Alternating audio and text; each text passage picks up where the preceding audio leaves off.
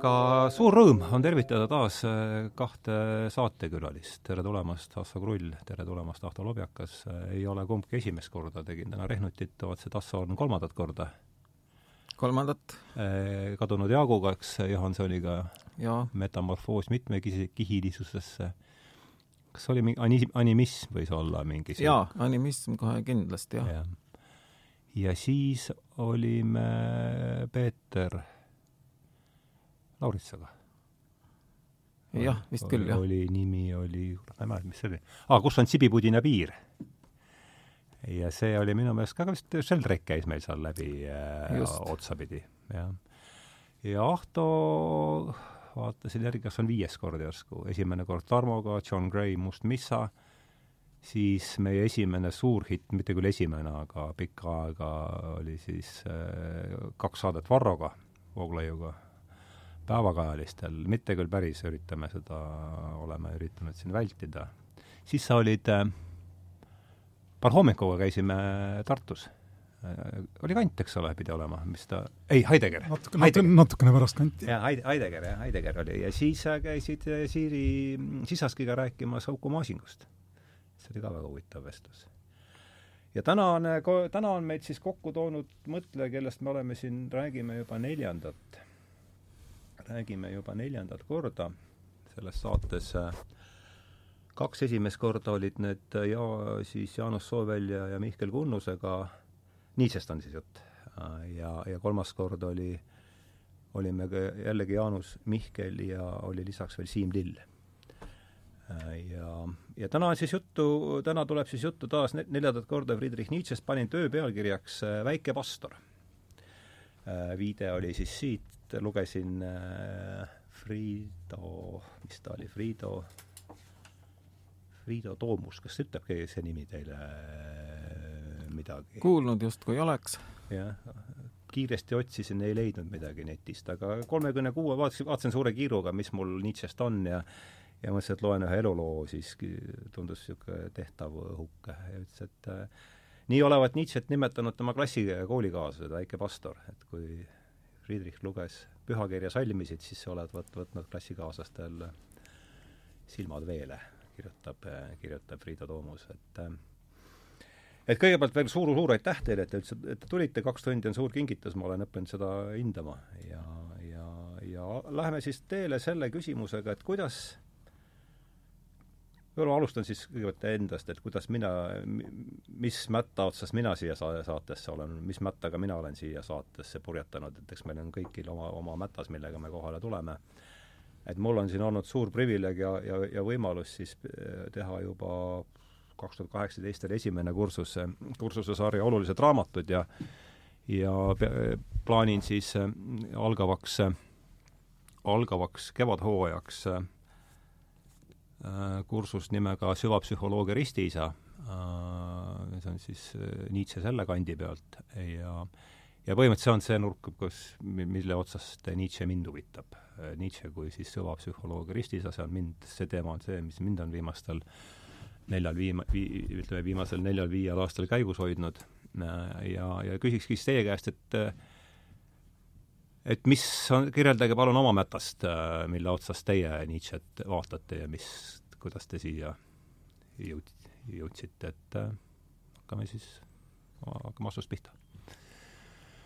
jah, et äh, mul nagu mätast enam polegi, on midagi sellist noh, nagu ütleks, pigem lendav vaip, et palju uljem. sellega siis tulingi ja noh, Nietzsche puhul tõesti on nõnda, et tohutult oleneb sellest, mis parasjagu fookusesse võetakse. Ja see on muidugi individuaalne, aga siis veel ka väga ajastu omane. et noh, kui lugeda Tõe ja õiguse teist köidet, kus ka Nietzsche väga palju käib läbi, arutletakse noh, kõigest moodsast äh, darwinismist, marksismist ja muidugi siis äh, ka Nietzsche'st, siis on ikka see üliinimese teema kogu aeg tuleb esile ja seal on, noh, püütakse Nietzsche't nagu erinevatesse leeridesse tõmmata, seal on näha, et teda saab niimoodi noh, kaasa haarata ühte, teise, kolmandasse leeri aga need leerid samas omavahel tingimata sõbrad ei ole. et äh, Nietzsche koosnebki niimoodi väga paljudest erinevatest osadest või noh, nagu ta ise ütles, et äh, kuskil ütles, et äh, tal ei ole mitte üks surematu, vaid palju surelikke hingi. ja noh, neid surelikke hingi tuleb sealt välja ja mul endal, mul endal sama lugu, et mitu surelikku hinge ja hmm. et need fookused on kogu aeg muutunud, kunagi avastasin jah, vist seitsmeteist, kaheksateist aastasena Nietzsche muidugi Zarathustra kaudu, sest see raamat oli ikkagi, oli võimalik kätte saada, mitte lihtsalt, aga sain.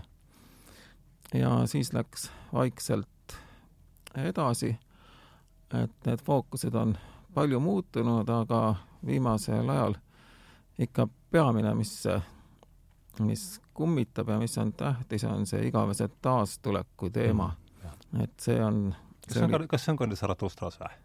Zarathustras ka ja. on see sees, jah mm. -hmm. ja ta on rääkinud ka ühe sellise kena loo seal Eke homos, kuidas ta äh, seal Silvaner see ümber äh, jalutades jõudis mingi uhke sellise püramiid ja kaljunukini ja äkitselt tuli tal see igavese taastuleku elamus, kuidas see kõik, mm. mis temaga on juhtunud ja mis praegu on, on toimunud juba lõputu arv kordi ja, ja tuleb kogu aeg üha tagasi. ja siis ta muidugi püüdis sellele leida niisugust teaduslikku äh, alust ka, nagu üheksateistkümnenda sajandi teises pooles oli väga tavaline ja tegelikult ju veel kahekümnendal sajandil ka, et ikka iga, iga filosoofiline teooria püüdis ka teadust nagu haarata endale ja, ja noh, paljud mäletavad, vanem põlvkond äh, oli isegi olemas niisugune õpetus nagu teaduslik kommunism, mis on üsna, no oksüümor on tegelikult, kommunismi polnud olemaski aga oli juba selle teadus olemas. pärast tuli välja, et polnudki teadus. ja pärast tuli välja, et polnud ka teadus, jah. ühesõnaga, oleneb, kuidas teadust defineerida, aga igatahes äh, Nietzsche seostas selle muidugi füüsikaga ja ta oli väga sellise äh, entroopilise äh, universumi käsitluse vastu, selle soojussurma idee vastu ja otsis siis argumente, mis seda kummutaksid, neid ka oli. ja noh, tänapäeval see ei ole nüüd nii tähtis füüsikaline idee, aga samas ikkagi seda ei, sellest ei ole ka kunagi loobutud. et äh, Nietzsche siis arvas, et kui on äh, universumis toimimas mingisugused jõud, ta toetus osalt Poincaré matemaatikale, mis noh, oli tollal selline kõige moodsam asi. Ja tänapäeval muidugi noh, pärast Gödelit ja noh, tervet hulka asju on sürreaalarvud äh, olemas ja et äh, see kõik enam ei, ei toimi niimoodi nagu Nietzsche ajal, aga Poincaré järgi ta siis oletas, et et see, kuidas need jõud või väed koonduvad universumis, et äh, see, see käib noh, nende jõudude loomuliku vahekorra järgi ja paratamatult äh, need vahekorrad peavad korduma, sest noh, need, nende jõudude dünaamika on samasugune. ja siis ongi nii, et tekib selline lõputu ringkäik, aga see on niivõrd suur muidugi, et me seda tajuda ei suuda ja siis on nõnda, et ühest küljest kõik on lõputult olnud ja tuleb lõputult tagasi, aga samas iga sündmus, iga hetk, iga asi või olend on täiesti ainuline. nii et äh, mingeid üldistusi teha ei saa. selline ja ta pidas seda ju niisuguseks äh, avastuseks, mis peaks siis inimkonna äh, kogu sellist moraalset enesetunnet täielikult muutma, tuletas sealt selle põhimõtte, et et tuleb elada nii, et iga tegu, iga hetk, mis on, et see võiks korduda lõputu arv kordi ja see on siis eetiline printsiip, et ma tahan selle kõige tagasitulekut. ja siit muidugi tuleb tohutu hulk probleeme. jah, see on nagu olnud minu fookuseks nüüd juba, ma arvan, mingi noh, mitu aastat jah, kui ma Nietzschega tegelen mm. -hmm. aitüma, Ahto, kuidas Zarathustra, ma saan aru, tõlge valmis. Zarathustra tõlge võib-olla valmib, tähendab, ja ühesõnaga on, on valmimas? on tulemas, on ja. selline ilus eestikeelne ajavorm, mis seob kõik minule, aga ei kohusta mind millekski. aga räägi siis oma, selle, oma endavast vaibast, kuidas, millega sina tulid?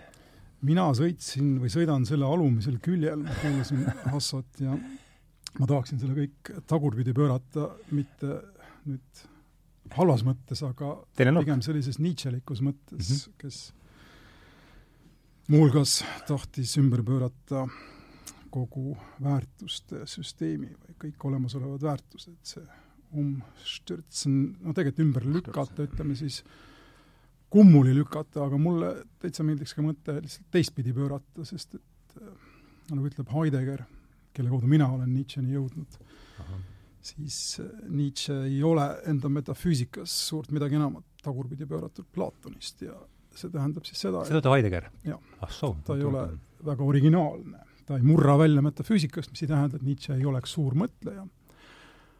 aga Nietzsche on nagu kõik need asjad, mis algavad selle kreeka privatiivse A-ga, ehk siis eitavad, eks. nagu A, ma ei tea, mis see näide võiks olla siis, A grammatiline või see tähendab mittegrammatiline ja nii edasi, ateism täpsemalt mm, -hmm. veel parem näide.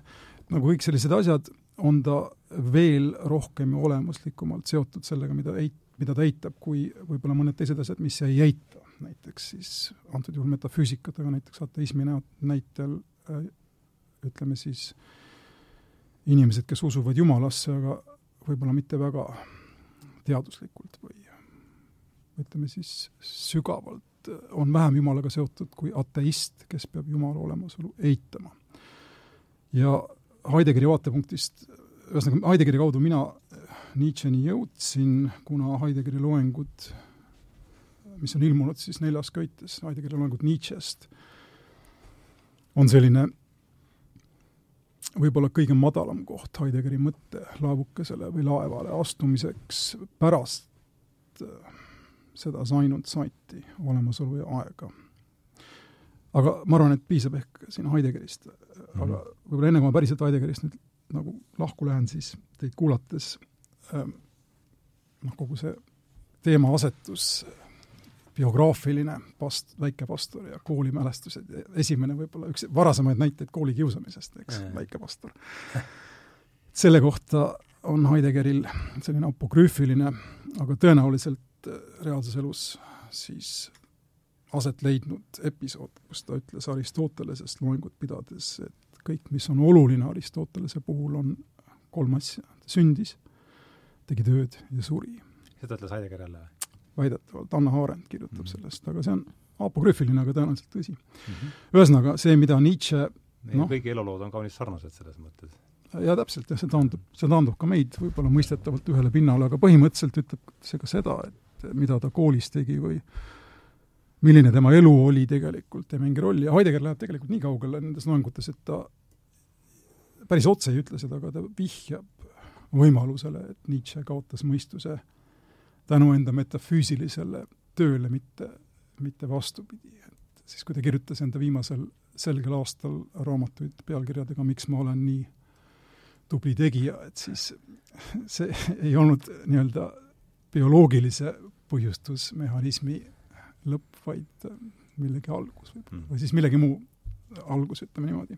igal juhul minu vaade on siis jah, võib-olla teistpidi, ta on päris kindlasti teistpidi nendele asjadele ja füüsika, füüsikaline, füüsikaline ta kindlasti ei ole, ma ei eita muidugi, et Nietzsche oli füüsikast huvitatud ja enda mõtlemise teaduslikule alusele asetamisest ja muust sarnasest, aga ma arvan, et mida aeg edasi, seda rohkem on selge see, et mida Nietzsche endast kujutas ja miks ta meile oluline on, on äh, see metafüüsiline pool, mille ütleme siis met-, metafüüsika, vabandust selle võrdluse eest, aga metafüüsika maatriksi kõige paremaks väljalugejaks ja kõige viimaseks väljalugejaks ta meil või läänes täpsemalt siis on seda ütled sina nende oma tõlgenduses? ma võtan põhimõtteliselt ühe koleda lausega kokku Heideggeri tõlgenduse mm.. Nietzsche on metafüüsika lõpuleviija ja mm -hmm. selle ka okay. täiuslikkustaja või täielikustaja, eesti keeles on neid mm -hmm. sõnu päris mitu, see on Vollendung mm -hmm. saksa keeles. Ja kui Nietzsche ütles või kirjutas kusagil, et ta kirjutab järgmise paarisaja aasta ajalugu, siis tal oli õigus just selles mõttes, et ta oli enda mõtlemises paika pannud, mitte leiutanud, aga paika pannud äh, need printsiibid, mis määravad kõige ütleme siis alumisel põhimõttelisemal tasandil meie elu, kas me seda teame või me ei tea, kas me sellest hoolime või ei hooli, aga kui sa räägid süvapsühholoogiast näiteks, siis küsimus on, kui sügavale sa tahad minna, kui sa tahad minna päris põhjani, siis sealt sa leiad vastu vaatamas Nietzsche, sest et selline asi nagu süvapsühholoogia on ainult võimalik sellepärast ta meid huvitabki. selles maailmas, mis, mis on siis viimased kaks tuhat viissada aastat paisunud ja hakkab nüüd kokku langema ja mille kaardistamise Nietzsche ette võttis ja see füüsika näite, mida, mida Asso mainis, ma ilmselt võin ka siin sellele lendavale vaibale anda alumise külje, ehk siis sellel on oma nagu loogiline seletus ka, mis läheb kaugemale füüsikast või füüsikast tõenäoliselt ei ole ka võib-olla pädev päriselt, aga aga see, see mõttekäik baseerub siis teatud mõttes Nietzsche'l äh, tõdemusele või tajumisele, et kui maailm või universum või asjad selle sees ja kõik, ütleme siis ilm Eesti mõistes oleks lõputu, siis millelgi ei oleks mõtet, sest et kõik toimuks esimest korda ja midagi, millegi eest vastutada ei ole, eks sa võid alati uuesti teha ja uuesti teha ja midagi ähm, kas ma oskan seda nüüd ühe või paari lausega öelda, aga ma loodan, et see on nagu mõistlik mõte, et kui see on avatud otsaga süsteem, siis põhimõtteliselt alati on võimalik uuesti teha, eks midagi ei jää nii-öelda pidama ega kinni. aga kui ta seda ei ole, siis siseneb sellesse universumisse või ilma enamus või kõik see, mida me siis loeme metafüüsika ja mm -hmm. põhiosades kaasa arvatud eetika, sul tekib no, vajadus täpselt, sul tekib vajadus, vajadus vastutada enda mm -hmm. tegude eest, kaasa arvatud enda otsuste eest, kas selles mängus osaleda või mitte osaleda ja nii edasi, ja see siis saab toimuda põhjusel, et seda kirjutab nüüd Heidegger ühes enda loengutest, et maailm on, ei ole lõputu, aga ta on piisavalt suur, et selles võimalike kombinatsioonide arv on nii suur, et inimene seda kalkuleerida ei suuda. et ta on põhimõtteliselt ikkagi suletud süsteem, aga inimese jaoks nii suur, et inimene selles võib jäädagi käima ja ta selle lõpuni ei jõua. aga põhimõtteliselt siis kehtib see printsiip jah, et kõik naaseb mitte identsena, aga saksa keeles on sõna gleich, eks, mida kasutab, gleiches, mida kasutab Nietzsche, samasugusena, ütleme siis, ja noh, see on, see on nüüd, võime vaielda, mida see täpselt tähendab, aga tähendab siis, jah, ta seda, peaks tähendama seda, et kõik ei sündi, ei sünni mitte täpselt samamoodi, vaid samasugusena, põhimõtteliselt samasugusena, ja tekib see valikumoment, inimene seda tajudes võib otsustada sellest mängust tahta kas välja astuda, kuna sellel ei ole mõtet, või, ja see on siis, miks see mõte on Nietzsche sõnul kõige hirmsam mõte üldse, või ta mis see sõna eesti keeles on siis, ta entschließen, resolution, commitment, kõik need ilusad sõnad eesti, saksa ja inglise keeles, ta otsustab väga põhimõtteliselt selle mängu kaasa teha ja võtab seda kordumise perspektiivi, millest ta välja ei pääse, kui väljakutset, millest tema inimesena ei saa keelduda. ja see on hirmus mõte selles mõttes, et sa tead, mis tuleb, aga sa teed seda ikka uuesti ja uuesti ja püüad võib-olla parandada seda, kes sa oled ja mis sa oled, teadmises, et sellest ming-, et sellel mingit muud mõtet ei ole, kui sulle veel üks võimalus tuleb ja järgmine võimalus ja ülejärgmine ja miljones võimalus ja kui sa sellele mõttele suudad otsa vaadata, siis sa oled Nietzsche mõttes üleinimene mm. -hmm. no nii, aitäh esimese ringi eest, et siin ma üritasin õige mitu niidi otsa, kui ta saaksid nüüd sikutada. Mulle tundub, et seesama igavene taastulek on hea asi, millega, mille, millega minna, minna edasi, et äh, noh, ütleme siin praegu on, äh, vaatame Huxley'le siin niimoodi otsa ja, ja Huxley kaudu oleme jõudnud sinna noh, veel kord, ma olen äh, Rakvere poiss ja seal ei olnud äh, filosoofia ei olnud esi, esimesele kohani, et see on tulnud kõik hili-, hilisemas elus järele, et aga Huxley on tekitanud minu suvi äh, idamaade filosoof, India, India ja kogu selle poole peale ja see iga, igavese taastuleku idee kuidagi, kuidagi seal niimoodi ähm, noh, hakkab mulle riimuma selliste mõistetega nagu ta-, äh, reinkarnatsioonid ja, ja me teame, et Schopenhauer on ju Nietzsche't palju mõjutanud ja Schopenhauer on üks, nii, nii, nii vähe, kui mina olen usutanud, on üks esimesi, kes on äh, lääne filosoofiasse toonud ida, ida, ida mõtted sisse, et et ega ma ei oskagi, ma ei hakkagi siin täpsemaks minema, aga et umbes ma võib-olla sektori vesandasin äh, maha, et äh, igavene taastulek ja, ja, ja mis poolest, kui palju on seal neid ida, idamõjusid ja ja, ja mis poolest nad erinevad ja et selline, sellised teemad võib-olla järgmiseks ringiks mõlemale. no see on nüüd niivõrd suur teema, et äh, kohe katsume piiritleda aga niimoodi vaikse. et iseenesest jah, see, mis Ahto rääkis, äh, see muidugi, see on äh, ka nüüd hästi niisugune tuntud küsimuste ring ja noh, iseenesest sel teemal oleks põnev nagu omaette rääkida, sest et aga sa võid võtta ka Ahtole, kuidas sul, kuidas sul parem, kuidas sul parem minna taastuleku juurde tulen taas. Lihtsalt, et äh, väikese remargi, nojah, et äh, Barbara Stigler ju on äh, kirjutanud ühe raamatu. Läks, nimi kõrvast mööda? Barbara Stigler, selle teise prantsuse filosoofi tütar, kes on ka filosoof. et ta on kirjutanud ühe raamatu Nietzsche'st ja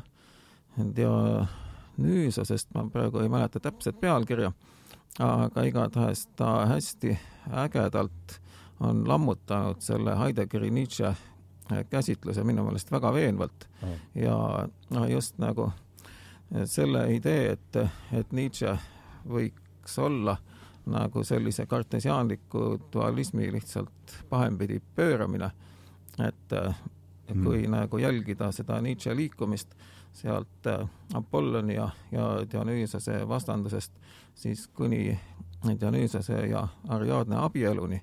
Ja milliseid teid kaudu see läheb, siis äh, see päris kindlasti nagu niisuguse ümberpööratud dualismini ei vii ja äh, ka mitte ateismini ei vii, Dionüüsos on tõepoolest ikkagi Jumal Nietzsche jaoks ja tähtis on ka see, et ta on jumal filosoof ja ühtlasi ka, ka jumal härg, nagu äh, kuskil Nietzsche ütleb.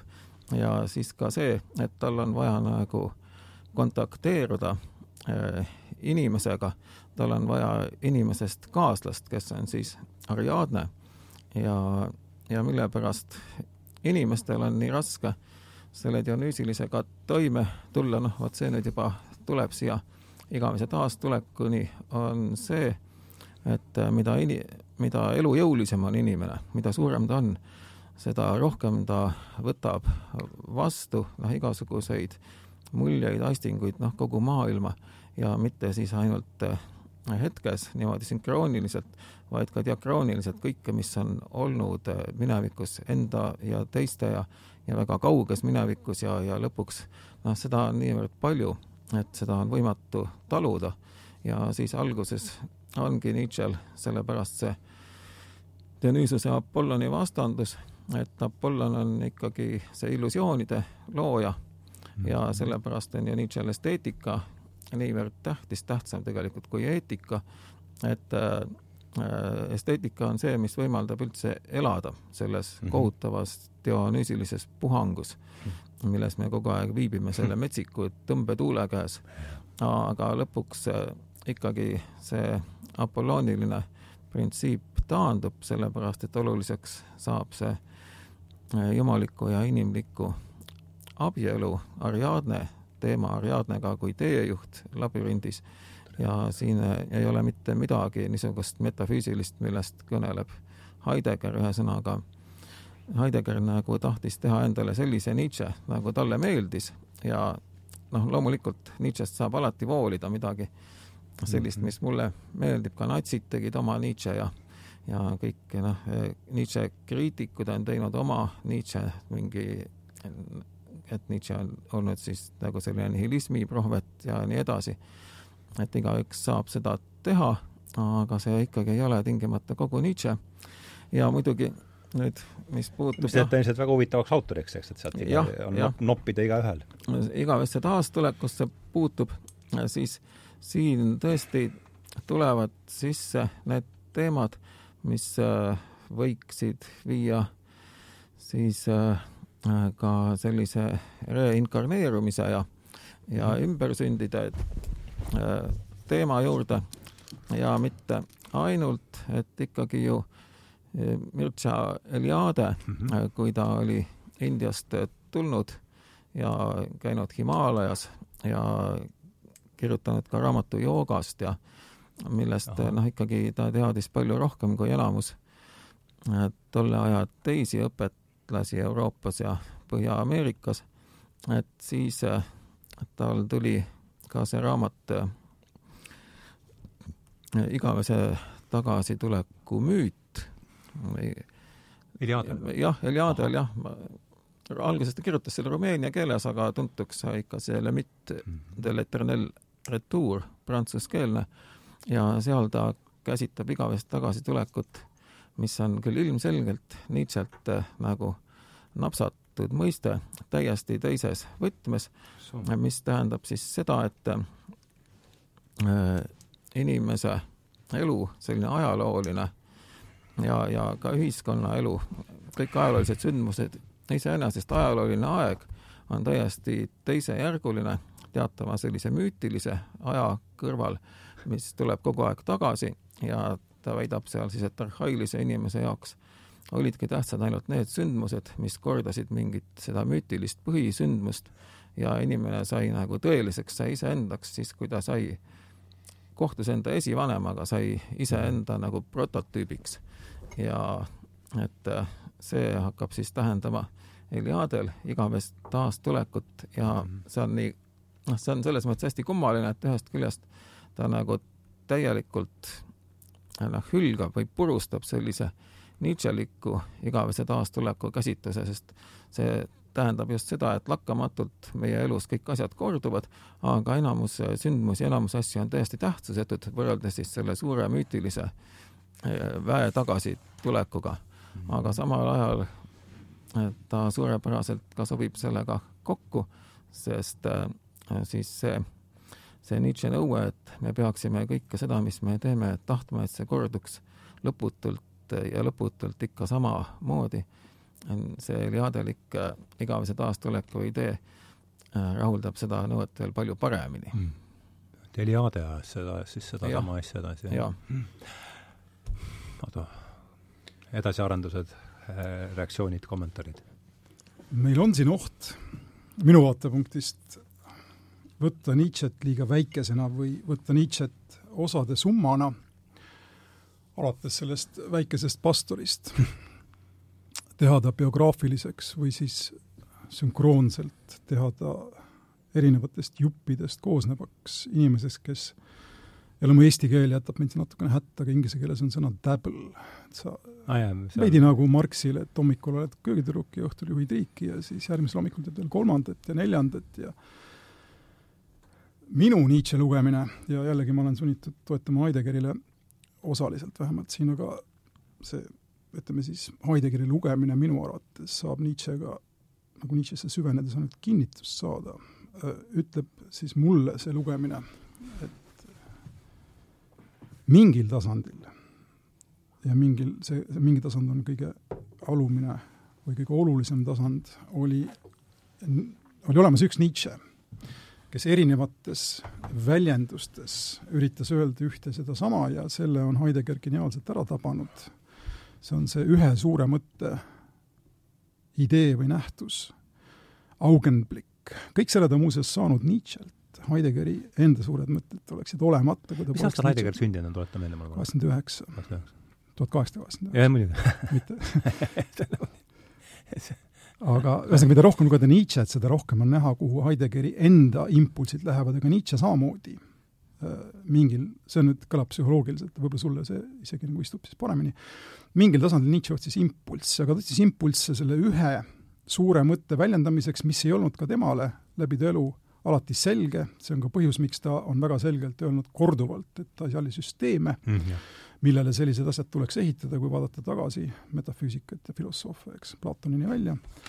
aga see ei tähenda seda, et tal ei oleks olnud äratundmisi ja, ja üks nendeks, üks siis võib-olla kõige suurematest äratundmistest oli see ühe sama igavene tagasitulek ja Heidegger tunnistab, et Nietzsche on seda kõigis enda teostes maininud kolm korda. Ja kuidas saab selline asi olla ühe inimese kus, kust, kus see, kus see idee, ütleme, kõige selgemalt, millisest Nietzsche teosest see kõige selgemalt on äh, esile kerkib? siia ma tahtsingi jõuda. Zaratustra, mis on meil nominaalselt selle vestluse, ähm, mis ta siis on, lähtekohaks. mul on väike versioon siin kaasas. et oleks näha ka stuudios, et asi on mm -hmm. olemas Zaratustras on tal äh, seen äh, Zaratustraga siis, kes olles korra juba alla läinud või teatud mõttes õhtule läinud, see saksakeelne Untergang on väga raskesti tõlgitav eesti keelde ühesõnaga, läheb tagasi ja siis ta mingil hetkel äh, tuleb üles uuesti mäest ja ta kannab enda õlgadel kääbust, kes on raskuse jõuks. Ja no põhimõtteliselt, kes kisub teda allapoole. ja me võime seda kirjeldada, kuidas me tahame, võtame seda kui näiteks keskmise inimesena või avalikkusena või kõige sellega, mis Nietzsche, mis Zaratustrat tabas tema esimesel allakäigul, ta üritas rääkida rahvaga mm.. see kõik kiskus teda alla. ja seda kääbust tassib ta üles, kuni mingil hetkel jõuab ta väravani mäe küljes ja see selle värava ees siis ta selle kääbusega peab ühepoolse vestluse, viskab selle õlgadelt maha, ta hoiab sinna kükitama ja see värav on siis koht, kus, millest läbi jätkub Zaratustra tee, mille alguseks see on, aga mis toob tagasi ta sinna, kus ta juba on, ehk siis ta on selline kosmiline ring ja Zaratustra võtab siis põhimõtteliselt sellele kääbusele sellist veidi vihast loengut pidades kokku selle, mida selle ringi tunnetamine tähendab ja mida või kuidas sellist raskuse võimu või noh, gravitatsioon on natukene mundaanne sõna selle jaoks, aga kuidas põhimõtteliselt kõik see, mis inimest alla kisub, ja seda, ütleme, selle hing ei saagi aru saada sellest suurest mõttest, nii et, et see mõte tegelikult Zaratustras on kesksel kohal. kui ka Nietzsche seda enda noh, ülejäänud elus või nii edasi vähe mainib ülejäänud kirjutistes, meeles tuleb pidada, et Zaratustrat kirjeldab ta kui enda kirjutamata jäänud filosoofilise peateose eeskoda mm, -hmm. selle tähtsus on varjama, ühesõnaga vaieldamatu ja ütle Tustra aasta veel ka, palun. Ta kirjutas selle mitmes osas, aga see on kas kaheksakümmend üks kuni kaheksakümmend neli või? Ja ta viimane selge aasta oli, mil, mis, kus, kus tema viimane selge aasta oli kaheksakümmend üheksa, ühek-, tuhat üheksasada alg-, tuhat kaheksasada üheksakümmend jaanuari esimestel päevadel saatis ta ühele endale, ühe, ühele enda abilistest postkaardi, mille ta allkirjastas ristilöödume mm. -hmm. aga noh, see selleks, see nagu ütle, nagu ma ütlesin, siis ma kaldun nõustuma Heideggeriga, et ta oli võib-olla juba mujal, mitte tingimata hulluks läinud. Need kausa-, kausaalsed ahelad on teistpidi siin võib-olla, aga no see selleks. igal juhul, mida ma üritan, kuhu ma nüüd jõuda tahan selle jutuga, on osaliselt ka, on tagasi tulla selle mõtte juurde, et on ikkagi üks Nietzsche, kes otsis ühele sellisele impulsile, mis mõtestas kõike, mida ta teadis, järjest paremat väljendust. ma arvan, sellega on raske vaielda kas või selle najal, mis Nietzsche ise on kirjutanud tema avaldamata märkmejuppides näiteks äh, kirjeldab ta Zaratustrat sakslaste ette visatud pärlina. ta ütleb seal, et mul, mujal ütleb ta, et seda tegelikult tohiksid lugeda väga vähesed inimesed ja viitab ka osaliselt sellele, et nelja, neljas osas ilmunud raamatu neljanda osa trükis ta privaatselt viiekümnes eksemplaris ja andis, andis ainult sõpradele. see ei ole mõeldud avalikuks tarbimiseks aga kusagil kaheksakümne kuuenda, seitsmenda aasta paiku kirjutab ta ka enda märkmikku sellise mõtte, et see raamat Zaratustra, täpsemalt siis see karakter, on tema poeg. ja tema poja üle ei tohi irvitada, vaid tuleb lugu pidada, aga nalja visata ja irvitada võib tema isa ehk Nietzsche enda üle. mida ma üritan öelda, on see, et siin on näiteks üks näide sellest kõike kokku kiskuvast Nietzsche maailmast, kus ta ikkagi on ühe loojana selle keskel, ta igal võimalusel ta mitte ainult ei põrka tagasi, vaid kasutab võrdlusi, mis noh, lähevad tagasi läänemaailma alustaladeni, antud juhul siis isa ja poja suhe kogu kristlikus religioonis, eks. raamatu, selle raamatu on ta kirjutanud põhimõtteliselt uue ilmutusena omaenese positsioonilt ja nii edasi, aga selle mõtteks, ja seal on ka see lause sees, on tähistada fakti, et Jumal on surnud, mis, Zarathustra ise nendib, võiks olla tohutu kurbuse ja õuduse allikaks, aga tegelikult on ju ka inimesele uue võimaluse, inimese vabanemise hetkeks mm. -hmm. ja see on selle, ütleme siis selle eetilise imperatiivi, Nietzsche eetilise imperatiivi äh, mõte, millest Hasso rääkis vähemalt minu jaoks, ehk siis inimene tuleb sundida ise igal hetkel valima seda, mis on tema kõige sügavamaks olemuseks, isegi kui see talle ei meeldi, isegi kui see on, midagi uut talle ei too, isegi kui ta peab seda igavesti tegema, sest inimese olemuseks on tõusta. ja tõusta, see tõusmise protsess, Verden, ehk siis saksa noh, lähend tulevikule, ka päris tulevik, aga mitte seista, vaid tõusta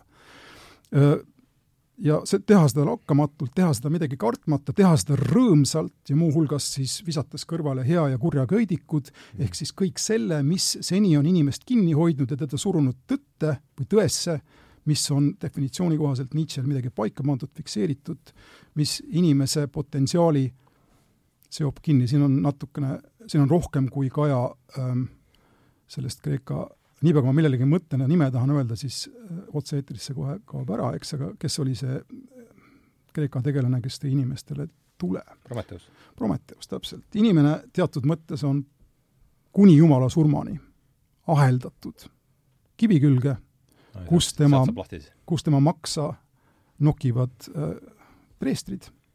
Äh, see on üks võimalus kirjeldada Nietzsche maailmapilti. Ja minu selle jutu mõte on siis öelda, et ei ole ei ole ütleme siis rida väikeseid Nietzschesid, kellest, keda kokku liites saab ühe suure, niimoodi kunagi suuruseni jõuta, ütles Heidegger, palju väikest kokku liites, vaid on alati olnud üks suur Nietzsche, kellel oli see üks suur mõte, mida ta väljendas eri vormides, aga selle tulnuna, see on see augenblikk, mis on Nietzsche'l olemas ja mis Heideggeril muutub tähtsaks, muutus kogu maailm muutus ühel silmapilgul, aga muutus ka selle silmapilk, mis läbi selle, vabandust, nüüd kohutav pann on see, aga läbi selle augu läheb, eks, milles sa maailma näed. aga see on oluline, seda on oluline tajuda, Nietzsche elas seda eksistentsi ja elas seda põledes ja pidevalt sellel, äh, selles pinges, selles, selles vibratsioonis.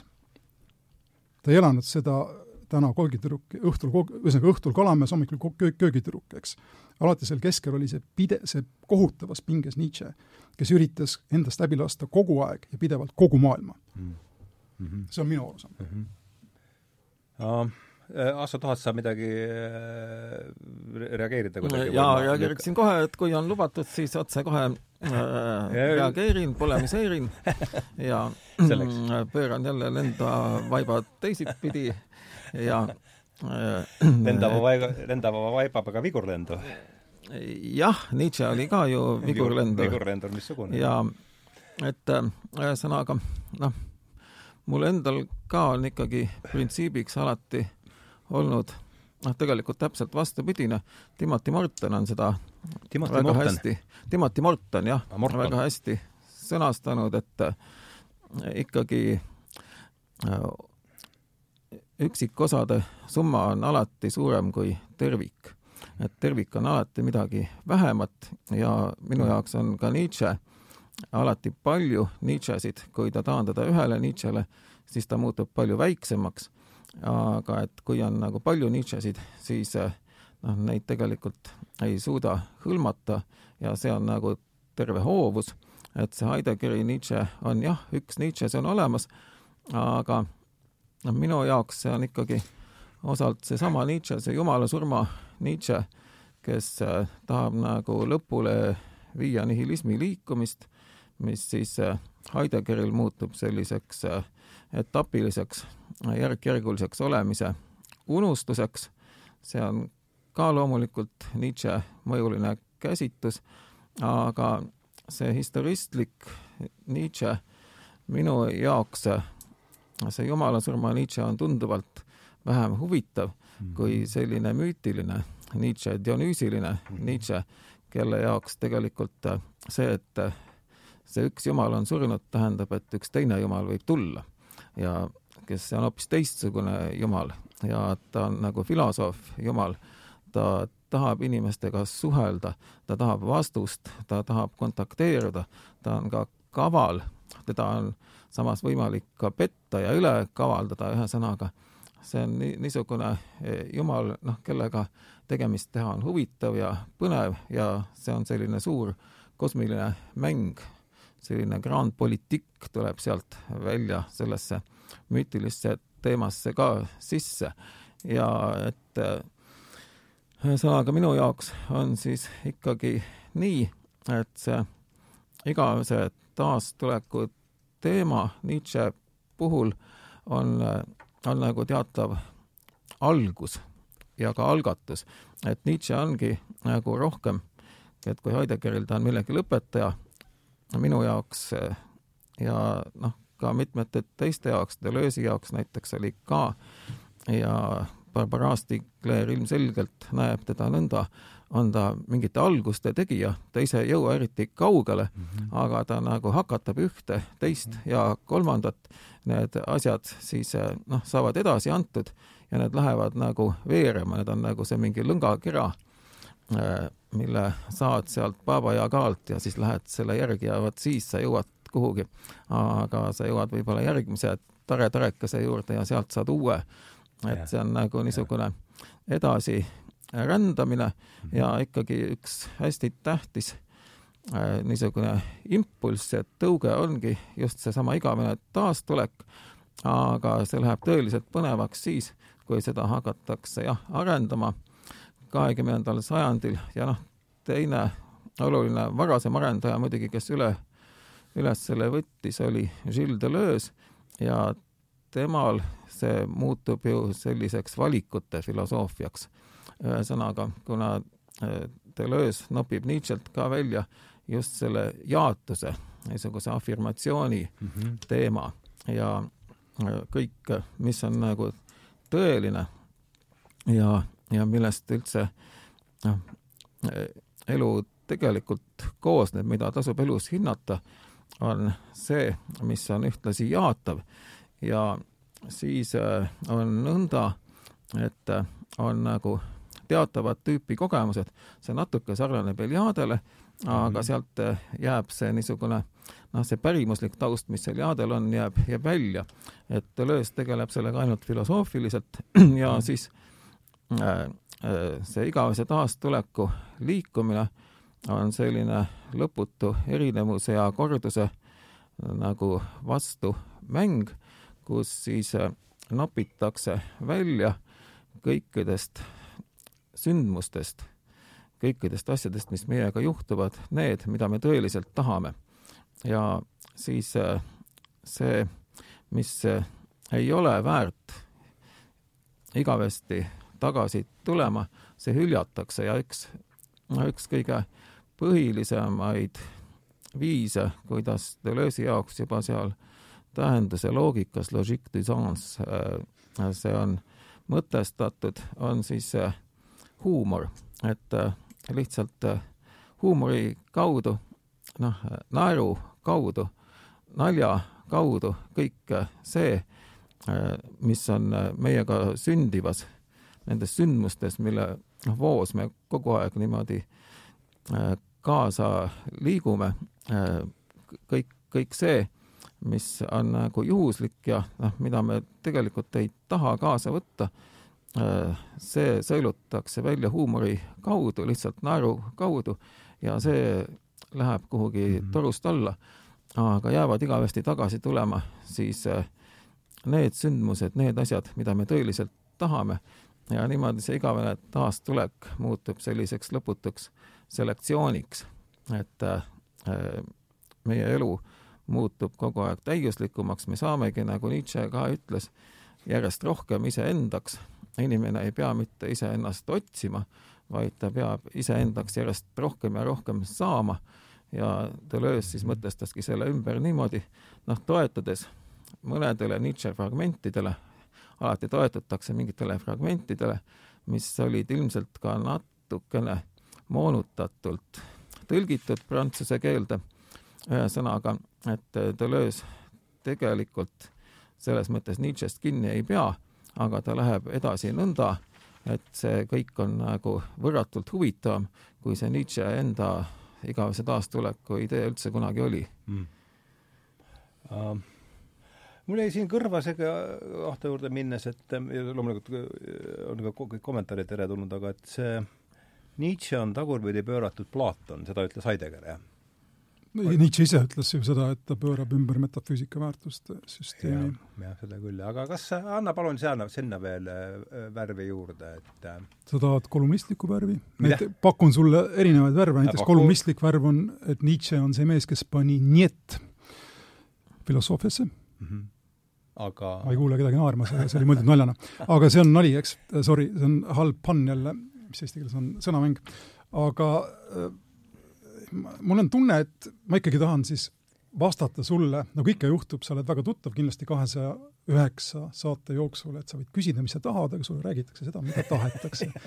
olen, no, see ei ole esimene kord esitatud. ja, ja viisaka, viisakad inimesed räägivad seda, mida nad tahavad, ütleme siis riietades selle jutu enam-vähem sellesse rüüsse, mida see sa oled, äh, mida sa oled nõudnud, aga sa ei suuda neid ka väga sellelt rajalt kõrvale suruda. mul on tunne, et me et, et see, see, mida Nietzsche endast kujutas ja see, mida ta ütles, läheb siin kaotsi, kusjuures ähm, nagu paradoksaalselt sellisesse väga modernsesse maailmakäsitlusse, mis iseenesest nagu võlgneks kõik Nietzschele, aga mis on nüüd ise Nietzsche pea peale pööranud ja võtab Nietzsche't veidi nagu Rootsi, mitte veidi, aga olemuslikult Rootsi lauana, et mida rohkem tal on erinevaid seal mm. maitseid meile serveerida, seda parem ta on. ja vabandust, kui ma nüüd natuke karikeerin, aga mul on selline kergelt poleemiline loomus, mulle tundub, et ühesõnaga selle, noh, ma nagu tajun siin teatavat vastuargumenti või vastaspoolust äh, kujunemas, mille esindajaks ma ennast pean ja seetõttu ma lihtsalt võib-olla natuke nüüd kordaksin uue nurga alt ka sinu küsimusele nominaalselt vastates äh, seda, mida ma olen siin varem öelnud, aga nüüd nii-öelda järgmiselt iteratsioonilt, see on mm -hmm. ühe sama igavene taastulemine meie kahe ja, tunni, kahetunnise vestluse raames. skeem on olemas, kuulan huviga. see, põhimõtteliselt kui, kui nagu võtta seda asja nagu Rootsi lauda ja inimene, ma ei ole Deleuze'i lugenud Nietzsche väga pikalt, ma olen ühesõnaga Nietzsche kohta kirjutamas, ma olen lugenud äh, tuhanded platood, aga sealt ma ei mäleta väga palju Nietzsche kohta. ühesõnaga, ma võin siin nüüd Deleuze'ile liiga teha, aga idee, et me saaksime inimestena kuidagi enda olemuseni tagasi minna ja selle nii-öelda realiseerida ise valides äh, sellest, mis meile meeldib või mis meid huvitab ja mis meid ei huvita ja selle siis mitte huvitava kõrvale jättes mulle, mulle tundub, et see saab Nietzsche'st täpselt valesti aru, kui niisugune asi on olemas. Ehm, see, ütleme siis üks viis, kuidas väljendada seda jällegi Heideggerlikku mõtet, mida Nietzsche silmas peab selle igavese tagasitulekuga, ühe sama igavese tagasitulekuga, on öelda ehk siis niimoodi, et teades, et kõik, mida me teeme, kordub ja kordub samasugusel viisil, me ise oleme samasugused ja nii edasi, võtaks nagu inimeselt motivatsiooni, milleks teha, kui sa tead, et see tuleb tagasi. ja mm -hmm. see inimese suurus või mm -hmm. see tahk olemusest, mis seal siis avar, avaldub ja see, see inimene siis heidab endalt õlgadelt selle raskusjõu ja selle kääb-, raskuse jõu ja allasuruva ja kääbikliku, eks, on seesama peame. ehk siis inimene otsustab see on tema loomuses, tema olemuses seda teha, ennast teostada, olla inimene, ükskõik mis selle hinnaks, kaasa arvatud võimalik kosmiline surmigavus. see on inimene ja selle on Nietzsche välja korjanud metafüüsikast ja ma arvan, siin on Heideggeril sada protsenti õigus, see on inimese määratlus, kui inimest määratleda läbi metafüüsika vaimukandjana. vaim, vaimu põhiline omadus, vaimu põhiline loomus on otsustada. Kui, kui vaim ei otsusta, ehk siis eesti keeles puuduvad isegi sõnad selle jaoks, aga see on urtsheilen, koht, mõista kohut millegi üle, mõista midagi millekski, ilus, kole, hea, halb, nii edasi. kui ta seda ei tee, kui ta ennast ei entschließen, ehk siis noh, kui ta ei võta vastu otsuseid näiteks, et esimesest jaanuarist ma ei suitseta. kui vaim selliseid otsuseid ei langeta, siis ta ei ole ka vaim. ja kui ta ei otsusta entscheiden mõttes, ehk siis endale ei pane mingi, ei pane midagi kinni vana ja alusta uut, ei tee otsa lahti, siis ta pole ka vaim, siis ta elab mõttetult. Zinn on puudu, kõik need sõnad eesti keeles on natuke keerulised, aga põhimõtteliselt ma usun, et see pilt tuleb läbi, eks, kui me räägime inimesest kui vaimukandjast või vaimust enesest vaimu avaldusest, siis ta peab selle kõigega tegelema, ta ei saa sellest vastutusest loobuda. see on aktiivne printsiip äh, muidu staatilises maailmas. ja see inimene, ja Nietzsche on siin inimene, see filosoof, kes läheb kõige kaugemale selle inimese määratlusega, see inimene on iseenesele asetatud, tal ei ole kusagilt võtta seda otsustuse abi, Jumal on surnud. Jumal on surnud, jah. ja väikesed abistajad, kääbused, ei saa kunagi tõusta kõrgele, sest et üksteise otsas nad oleksid ikkagi sada kääbust või tuhat kääbust või miljon kääbust, eks, see on see mõte. vaid suurus on selle otsuse suuruses, mida inimene suudab vastu võtta. ja see on Nietzsche mõte, selle peamega, ta peab, inimene peab otsustama selle järgmise ringi nii-öelda läbi teha, eks, peab selle otsustama teha maksi-, andma enda maksimumi, peab olema võimalikult suur ja ta asetab selle inimese puhtalt endale, aga Nietzsche on ka esimene, kes liigub teatud mõttes metafüüsika taha ja metafüüsika ette ja siin Heidegger tunnustab teda, ta paneb sinna tõesti juurde Jumala.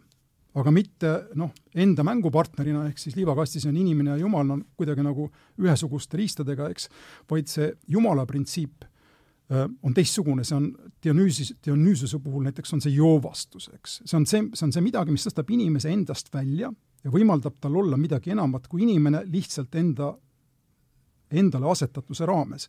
sest et ka inimene on suletud ring, eks, kui talle no ütleme siis väga prostalt öeldes impulsse mujalt ei tule, siis tal on ainult piiratud äh, võimalused, eks tema kujutlusvõime ei ole lõputu selles mõttes, vähemalt kui ta on, siis sinna tuleb lisada mingi jumalik element ja Heidegger näiteks kirjeldab seda minu arvates päris hästi ja veenvalt ja need on muidugi kehvad sõnad siin praegu, aga Heidegger kunagi seletab seda läbi selle daimonose kontseptsiooni, mis on Vana-Kreekal, eks. See on see, mis inimese ellu tuleb täiesti väljaspoolt mm. -hmm ja selles siis avab midagi, mis ei ole inimesest tulenev mm, -hmm. aga mis on nii-öelda sädemeks või selleks tõukeks või mis iganes, mis inimest siis sunnib ennast veel paremini. see tuleb väljaspoolt, täpselt, see ei saa olla seestpoolt, sest et vastasel juhul see oleks rohkem sedasama. ja Nietzsche on täpselt selle piiri peal mm. -hmm. ta näeb, et kui inimene teeb neid ringe üksi, siis teatud mõttes ta ju saab ka nüüd nüristuda. aga kui tal on olemas need impulsid, kui ta suudab need jumalad taaselustada mm -hmm. ja see on see suur väljakutse, Dionüüsuse mm -hmm. ja Apolloni, eks, üks on joovastus, teine on vorm ja mõlemad on jumalad äh, aga ju mitte, kreeklaste tähenduses. jaa, aga mitte jumalad suure joti, eks, vaid nad on selle daimonus, nad on selle daimonus-printsiibi mhm, esindajad mm, ehk nad toovad midagi inimese no mida, eesti keeles on see sõna võib-olla kohutav. ma ei ole kunagi välja mõelnud, mis on selle sõna nii-öelda jaatav printsiip, kohutav on nagu see eitus, eks. see on, ta midagi nagu kohutab üles, aga mis on see asend siis inimeses, mis on, ma ei tea, kohutavuse vastand, eesti keeles seda on raske öelda, aga saksa keeles on see ungeheuer mm. -hmm Gehoier on si-, on, on, on see olu või olemine, masinlikult öeldes, kus sa oled nagu noh, iseenda juures, sul on hea olla, sul mugav, sind midagi ei torgi. sa, sa käid läbi enda rutiinide ja nii edasi, elad igapäevast elu, aga see ungehoier on siis see, mis tuleb väljaspoolt, mis on võõras, mis on täiesti teistsugune ja see on teatud mõttes lihtsalt öeldes inspiratsioon ja see on mm. selline Heideggeri nagu jumala kontseptsioon, mille ta võlgab Nietzschele muidugi jälle, eks. jumalad on need, kes kui ma nüüd väga prostalt jälle väljendun, kui meil veab, meist mööda lendavad ja see sahin lööb meil lehed üles, eks, ja, ja me hakkame liikuma. kui nad aga ei lenda, ei pea meid enda vääriliseks, siis me oleme kinni selles metafüüsilises ringis, millel tõesti puudub igasugune mõte mm. -hmm. Ähm, mulle nüüd me, see, see Sheldrake tuli meelde ja tuli ta ühe tema loengu algus meelde, see nende jumalatega, ta ütles, et et me oleme sügavas kriisis, sest meie kaks fundamentaalset paradigma äh, on, ujuvad äh, kokkupõrkekursil ja need äh, kaks fundamentaalset paradigma on siis Ateena ja, ja Jeruusalemm ja ja mulle tundub, et Nietzsche kuidagi neid mõlemad, mõlemate kokkupõrget ju äh, kehastab päris hästi seesama Jumal, et, et Jumal on surnud just nimelt äh, ja et see, et surnud on, Ahto, saame õigesti aru, eks ole, see suure J-tähega ja suure J-tähega Jumal, eks, aga see ei tähenda kummatigi ju Jumalat. Äh, Jumal on surnud, inimene on nüüd vaba. Jah, aga et just kuidas, et et see, kuidas see polit-, ta nii, nii vähe, kui ma Nietzsche'st tean, ta on ju kasvanud välja paljuski selle just ainult Kreeka, Kreeka see oma filoloogiline, no jah, seal on mõlemad, eks ta oli pastori poeg, sul oli õigus. just nimelt, just nimelt, just nimelt, ja noh, täpselt see, see pinge, et võib-olla meil on nüüd teine tund algab, et, et seesama noh, see on see üldse see laiem, kui ma räägin nüüd jälle oma mättast, et, et see, et võib-olla see Ateena ja Jeruusalemma vaheline pinge ja seesama lause, et me oleme sügavas kriisis, sest meie kaks fundamentaalset paradigma, Ateena ja Jeruusalemm ulava, ujuvad kokkupõrkekursil, et ma olen üritanud sellest lausest aru saada, see on paljuski minu, üldse minu otsinguid siin juhatanud, et et kuidas, et hoides selle, selle lause nüüd seal taustal, et kuidas me Nietzsche konkreetsel näitel seda Ateena ja Jeruusalemma pinget äh, näeme, et tõepoolest, eks vanaisa oli Luteri pastor, isa oli Luteri pastor, ta ise pidi selleks saama, aga siis seesama noh, selge ju see, et antiik äh, Kreeka ja nii, küsimus, sektor on vast piiritletud, et äh, lähme sealt edasi. jah, see on nüüd äh, minu jaoks, see on niisugune historistlik Nietzsche ma ei saa midagi teha, ma Ahvaga nagu samasse paati ei astu, minu jaoks on mitu Nietzsche't ja nad kõik nagu hargnevad eri suunas. isegi kokku lugeda on neid lõpuks raske, aga et äh, minu jaoks see, et äh, Nietzsche oli antiikfiloloog ja et ta sellega nii hoolikalt tegeles ja, ja nii kaua, et äh, see on pigem selline kahetsusväärne moment Nietzsche juures, sellepärast et äh, tal tekkis tõesti niisugune noh, liialdatud, suurendatud kujutlus äh, õhtumaa äh, käekäigust, õhtumaa ajaloost, üldse nagu maailma käekäigust ja ajaloost, sellepärast et antiik-Kreeka on ikkagi eks noh, oma, omas ajas niisugune suhteliselt väike, segane ja noh, üldse mitte minu meelest eriti imetlusväärne kultuurifenomen. ta jäi sinna liiga kauaks pidama, sinna Kreeka nurka nagu pidama jah,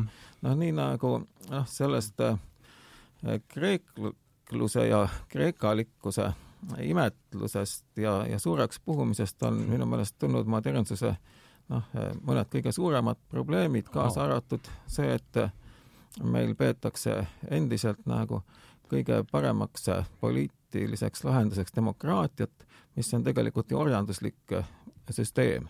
et demokraatia oli äh, sellises orjanduslikus ühiskonnas täiesti nagu rõhutatult ebavõrdses seisuslikus ühiskonnas kehtiv süsteem, kus siis teatava, teatav osa orjapidajaid, meessoost orjapidajaid olid kõik justkui võrdsed, äh, agoraal aga noh, päriselt nad siiski ei olnud, vaid kogu aeg omavahel kemplesid.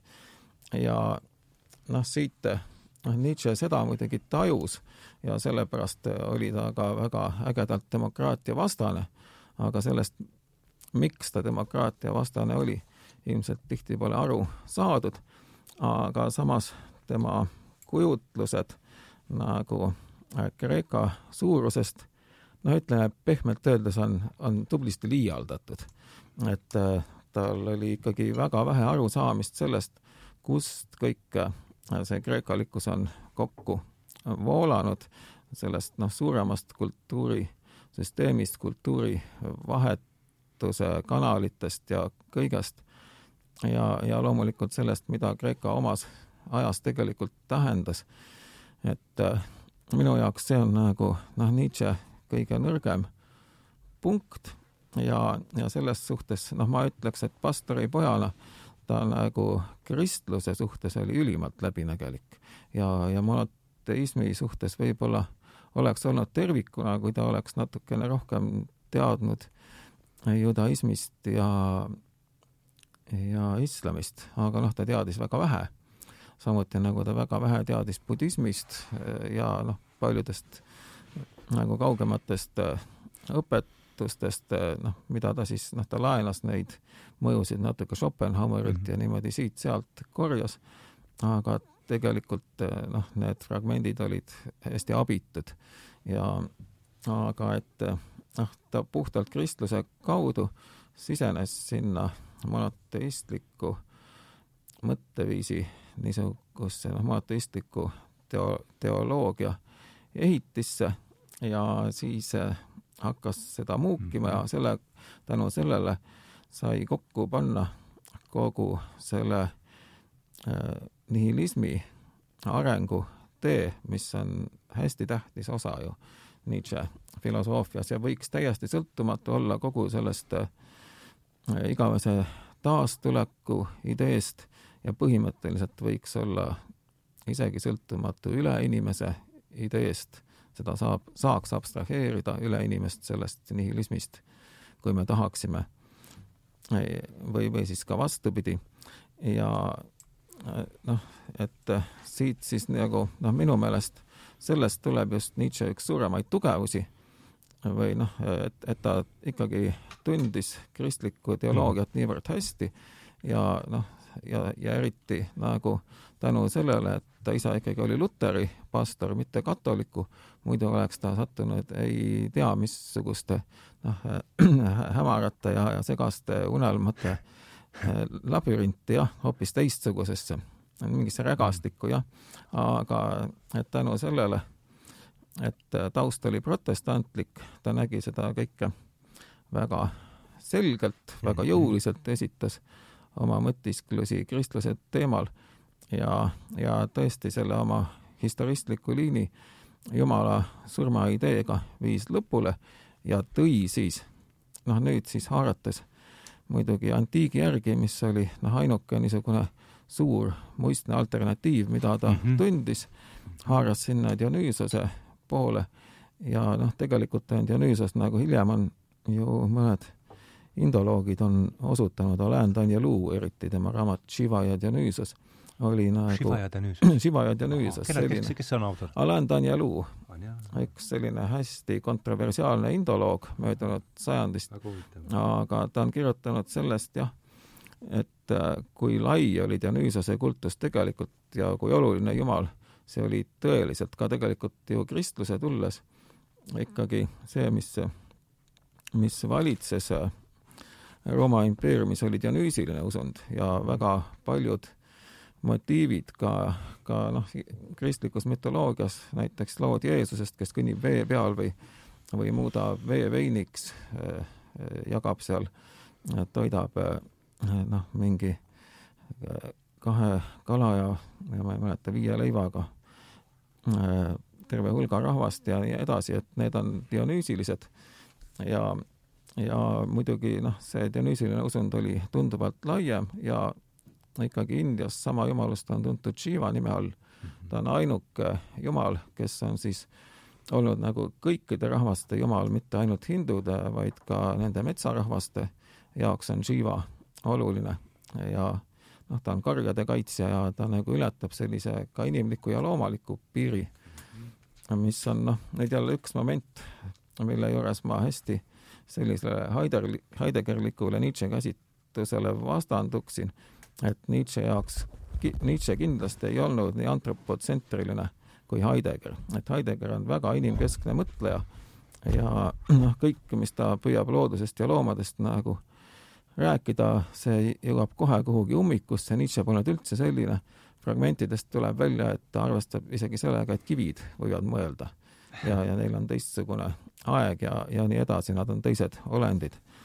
aga ühesõnaga, et minu jaoks on siis jah nii, et, et Nietzsche nagu väga võimsalt suhestus kogu selle monoteistliku teoloogiaga kristluse ja just protestantliku kristluse sealt saadud analüütilise kapatsiteedi kaudu, mis on ju olnud väga võimas protestantismis, see kristluse ajaloo ja teoloogia niisugune historistlik lahtimuukimine ja siis selleks, et leida sealt nüüd mingi väljapääs, siis ta haaras jah, ainsa järgi, mida ta tundis antiigi järgi. Mhm. ja, ja teisest küljest noh, leidis intuitiivselt noh, kõige parema jumaluse, kes üldse olla sai Dionüüsos mm -hmm.. okei. See jõudis, nüüd ma sain, äh, mul on, ma saan aru, et ei ole milleski ühel nõul, aga ma ei ole päris täpselt äh, aru saanud, milles te ühel nõul ei ole, on käinud läbi äh, Äh, äh, Ahto juhindub Heideggerlikust äh, Nietzsche käsitlusest, mis ma nüüd saan aru, see, see kommentaar aitas mind peale, et see on liiga antropotsentriline, väidab Hasso. muuhulgas, jah. muuhulgas, jah. ja mm -hmm et anna mulle ole, näita, kulla sõber, üles kannatlikkust ütle mulle palun veel, milles te täpselt ei ole ühel nõul? Mina ja kannatlikkus.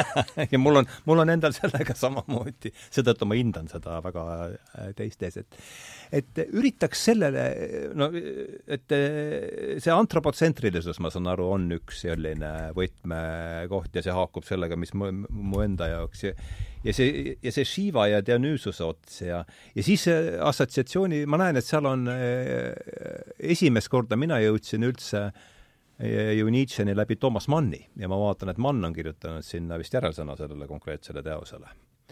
ja mul tuleb meelde see peatükis Lumi, vot kus, kas sa oled Võlumäega lugenud või? seal, kus Kastorp äh, sur-, näeb seal mingit sellist äh, noh, seal ongi niisugune apolloonilise ja ja ühesõnaga, jätame see Manni siis kõrvale praegu, see ütleme tagasi, et mis, milles on nüüd ikkagi siin see, see põhiline me oleme tund aega koos istunud, et millest sina näed nüüd teie kahe Nietzsche, Nietzsche, kus teie arvamused kokku, mitte et peaksid kokku minema, aga et saaks enam-vähem aru, aitaks endale orienteeruda sellises keerulises nähtuses nagu Nietzsche, et kui me saaksime aru, et et mis, milles teie erimeelsused Nietzsche küsimuses õigupoolest nüüd ikkagi, midagi mulle, midagi mulle aimub äh,, aga, aga võib-olla on teistelgi huvitav teada seda, nii et ole hea riskides groteskse äh, karikeerimisega nüüd jällegi ma kohe ette vabandan ära, aga see küsimus tegelikult sul minu jaoks ei ole uus mm, -hmm.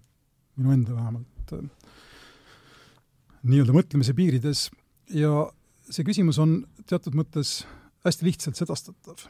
kas meie ütleme siis mõtestatud ja mõistetud kogemine ütleb meile, et kõigel on üks lähtepunkt mm -hmm. või alus mm -hmm. või on neid mitu mm. -hmm. sellel on nüüd selline petlikult lihtne vastus, eks, küsida tavaliselt inimeselt, ütleb ta, kõike on palju, kõik on paljune, eks mm, -hmm. elus on palju jõude ja nii edasi. aga kui inimene süveneb metafüüsikasse ja aktsepteerib, ütleme siis, või üritab argumenteerida selle piirides ja selle alustelt, siis vältimatult varem või hiljem jõuab ta mingisuguse unitsentrismini või kuidas iganes seda kirjeldada, kõik peab tagasi minema ühele algusele ja ka Nietzsche on muuhulgas kirjeldanud kristlust platonismina massidele, eks. platonism on üks hea näide sellest, kuidas kõik viiakse tagasi ühele alusele või siis, ja indoeuroopa keeltes see asi on veits segane, või ütleme siis ka mõtlemises, või siis kõige kõrgemale nagile, milles kõik ripub, eks. sõltub, kuidas seda nüüd vaadata, aga üldiselt grund saksa keeles on äh, põhiapgrund on põhjatus või kuristik täpsemalt ja samas ideaal on kirjeldatud või kirjeldatakse seda ideaali mõistet läbi saksa metafüüsika, eks, kui das höchste ehk siis kõige kõrgem. aga no aktsepteerides seda eristust, seda ühte kõige kõrgemat, siis antud juhul Jumalat võib-olla, platonism massidele, või siis seda ühte kõige madalamat, seda ühte Wesensgrundi, mille pealt kõik on see, mis ta on, milles on kõige olemus, on definitsiooni kohaselt üks ja Heidegger, ma üldse ei vaidle, on kinni selles maailmakäsitluses. Meie tänase maailmaga, noh, ütleme siis pragmaatilise, pragmatistliku maailmaga on seda raske ühitada. ja seetõttu on ka Nietzschele meil siin, ma ei taha öelda, et sina oleksid pragmatist nüüd, aga lihtsalt see on üks nagu ütleme, selline analoogia, mis mulle pähe tuleb ja ma mm -hmm. tervitan no. selle kummutamist, aga aga see on üks võib-olla selline raamistik, millest on, milles on nagu lihtsam mõista seda, mida ma üritan öelda, ehk siis kui väljuda metafüüsikast ja ja loobuda sellest, ütleme, universaliseerivast maatriksist, siis loomulikult meie enda kogemus ütleb meile, et elul on väga palju erinevaid impulsse, aluseid, tõukeid, kõik on, nagu ütleb Masing, vool mm. -hmm. aga siis ma tahaksin tuua ühe eristuse veel sisse. see noh, pragmatism on teatud mõttes nagu selline laisk metafüüsika nad ei viitsi tegeleda selle ühe aluse otsimisega ja kõik muutub hoopis teistsuguseks. ja selles ma äh, ma ei taha ka pragmaatikuid süüdistada, aga, aga ütleme niimoodi, et sellel vestlusel ei ole suurt mõtet, kui üks kaitseb sellist noh, metafüüsikast lähtuvat või ka postmetafüüsilist positsiooni, mis on ikkagi metafüüsikas kinni, ja teine on lihtsalt pragmatist. me loeme Rootsit näiteks, ta on väga huvitav, aga lõppkokkuvõttes Richard Rootsi näiteks mm, -hmm. tun-, võib-olla tuntuim kaasaegne Ameerika Ühendriikide pragmatist, eks. tal ei ole midagi väga huvitavat öelda inimesele, kes on huvitatud filosoofiast. no see selleks. aga siin on nüüd teine aspekt juures ja see on isegi võib-olla, tähendab, see on minu jaoks kindlasti huvitavam ja see on keeleline aspekt, ma siin kergelt vihjasin sellele, et eesti keel ei kanna välja metafüüsikat, tal ei ole termineid lausa kesksete mõistete tõlkimiseks, aga siin on midagi sügavamat ja Masing, keda ma olen korra maininud, on minu arvates jah, Masing on ainsana, mulle tundub, Eesti mõtlejatest, jälle ma ei taha kellelegi liiga teha, ma ei loe piisavalt palju, et nagu päris kindel olla, aga Masing on ainus, kes on suutnud lääne traditsioonile vaadata otsa silmade kõrguselt, ütleme sellele, mida Nietzsche kirjutas. Masing on täis Nietzsche äh, referentse, aga ta ei olnud inimene, kes oleks tunnistanud allikaid hmm.. aga juba tema Rapa Nuis on üks-ühele Nietzsche'lt võetud väljendeid ja, ja noh, rääkimata tema luulest ja juba see fakt, et kahekümne kuue aastaselt ta sisuliselt minu arvates pani paika metafüüsika kogemuse eesti keeles kuristi kohale. ühesõnaga ütleb seda, et Masing oli teatud mõttes eriline inimene ja ja masingust nagu tõukudes ma siis pakun ka teise lahenduse selle pragmatismi ja hüpoteesi kõrvale. Eesti mõtlemine niivõrd, kui selline asi saab olemas olla, ma ütleksin, keele baasilt saabki olla ainult selline mitmealgeline mm, -hmm. voolust lähtuv mm. -hmm. ja talle kõik see, mida esindab Heidegger ja Nietzsche, aga veel rohkem see, mida kujutab endast metafüüsika, on äh, nii-öelda reesus vastuvõetamatu mm. -hmm. ja siin on selles mõttes tegemist veidikene ebaõiglase seisuga, et nii Nietzsche kui Heidegger olid inimesed mõlemad, filosoofid mõlemad, kes, mõtlejad mõlemad, kes said aru metafüüsika enesesse suletusest ja fikseeritusest, näiteks Nietzsche'l on üks väljend, mida ta kasut-, vist Zarathustras ei kasuta, aga inimese kohta, kelle olemus temagi avab, nagu kõik metafüüsikud, eks, omal moel, ütleb ta veel paika panemata loom. ja seda mõtleb ta selles mõttes, et see paikapanemine oleks tegelikult halb ta on vähemalt vanas mõttes, eks. ja ta üritab dünaamikat süstida sellesse süsteemi, mis on metafüüsika, kui ma väga robustselt nüüd ütlen, ja Heidegger üritab sedasama.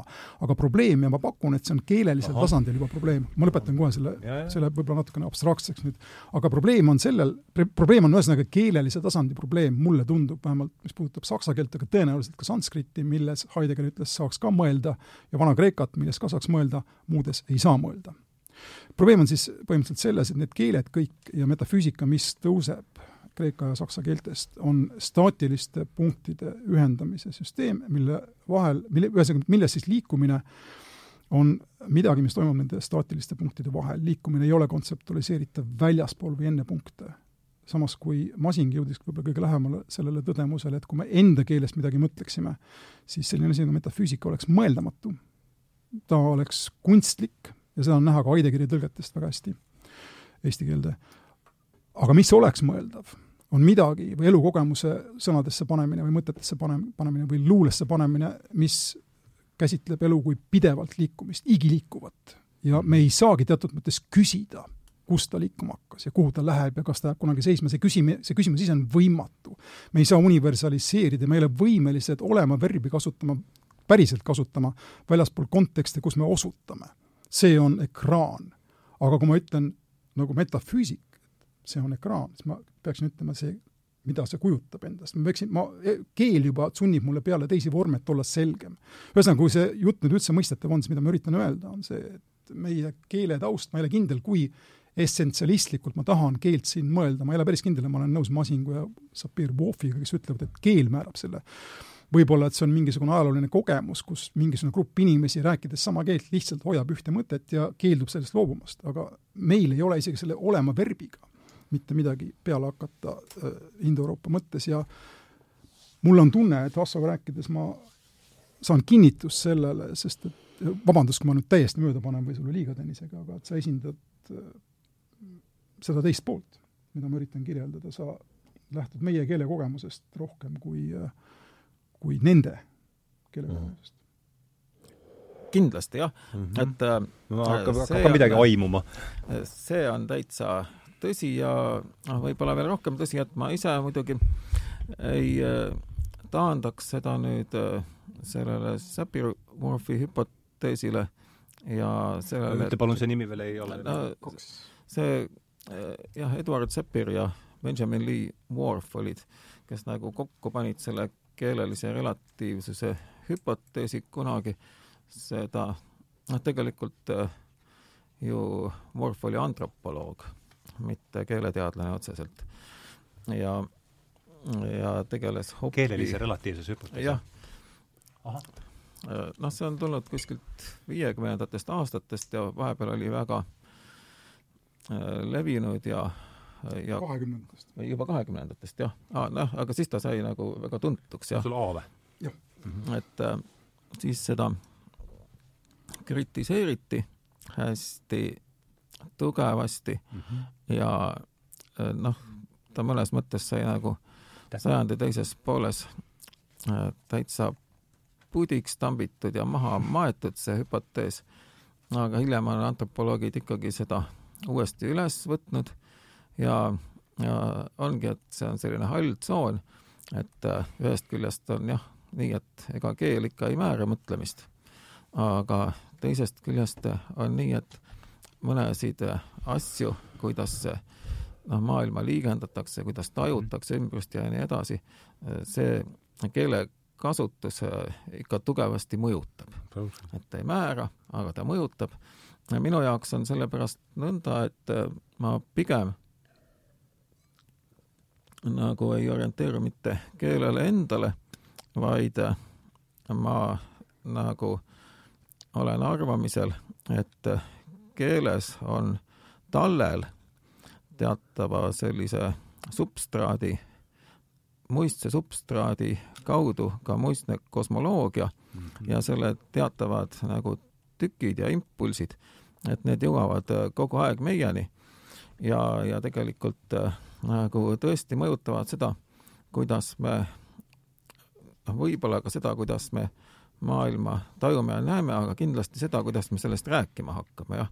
sest me haarame nende sõnade järgi, noh, nagu Nietzsche haaras Dionüüsose järgi, meie haarame nende äh, sõnade järgi, mis meil on nagu juba olemas, kättesaadavad ja siis ongi nii, et, et tõesti see, see aluse küsimus, millest Ahto rääkis, noh, põhimõtteliselt see on ju see, millest on räägitud, noh, see Leibnizi raison suffisant, küllaldane alus või küllaldane põhjus ka ühtlasi. -hmm. et äh, see ju viitab sellele, et siis asjadel jah, võiks olla mingi selline noh, põhi ja põhjus ühe korraga, eesti keeles need mõlemad tegelikult on samast tüvest ja, ja siin on nüüd üks niisugune hästi huvitav kosmiline moment et äh, see sõna põhi äh, samal ajal tähendab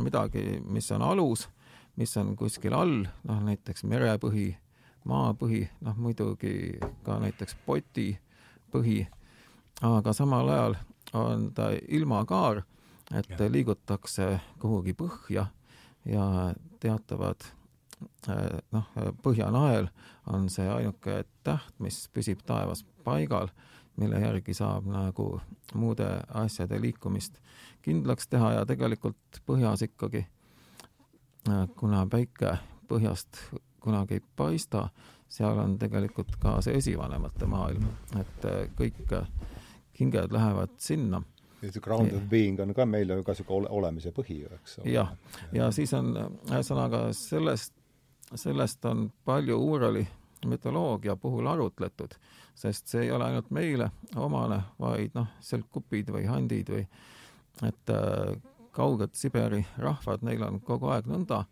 et minna mööda neid pikki jõgesid, siis jõuab tegelikult sinnasamma, kui me jõuaksime siis, kui me läheme otse alla.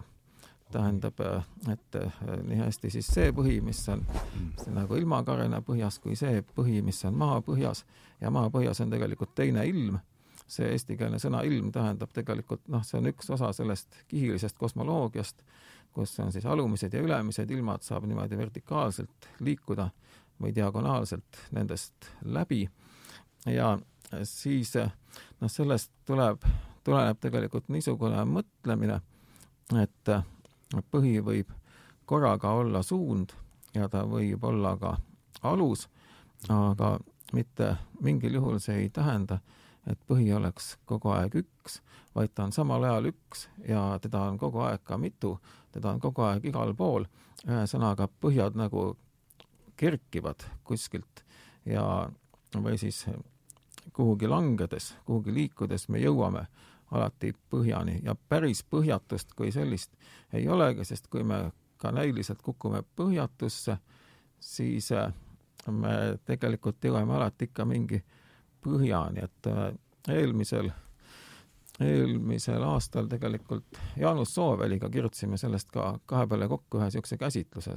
kus see, mis see nimi on? peaks varsti ilmuma ühes kogumikus, ma ei tea, mis kogumiku pealkiri on, et see ilmub inglise keeles ja mm, et äh, Jaanus on mulle kunagi saatnud selle nime ka, aga, aga praegu ei tule meelde. aga loo või see artikli pealkiri või mis ei tule meelde? Ja selle pani Jaanus, mul ei ole praegu see ka meeles. aga ühesõnaga, et Jaanus äh, nagu kirjutas sinna selle osa, mis siis käsitles niisugust Schopenhauerlikku, Nietzschelikku ja noh, kogu sellist kontinentaalfilosoofilist põhjatuse ja nihilismi teemat. Ja mina kirjutasin sinna juurde selle osa, mis käsitleb seda Hureli kosmoloogia põhjal, põhjal ikka jah, siis seda niisugust põhja äh, ideed mis äh, siis keeleline substraat äh, on säilitanud. Ja et minu jaoks jah, see muistne kosmoloogia, mis kõige jõulisemalt läbi tuleb ja muistne ontoloogia ka, ei ole niivõrd voolamine, vaid äh, ikkagi tegelikult see põhjakosmoloogia. ja see, et, et põhi ei pea kunagi olema üks, ta ei pea kunagi olema päris küllaldane, aga sinna saab alati jõuda ja alati on ta paik, kus tegelikult asuvad esivanemad mm. -hmm.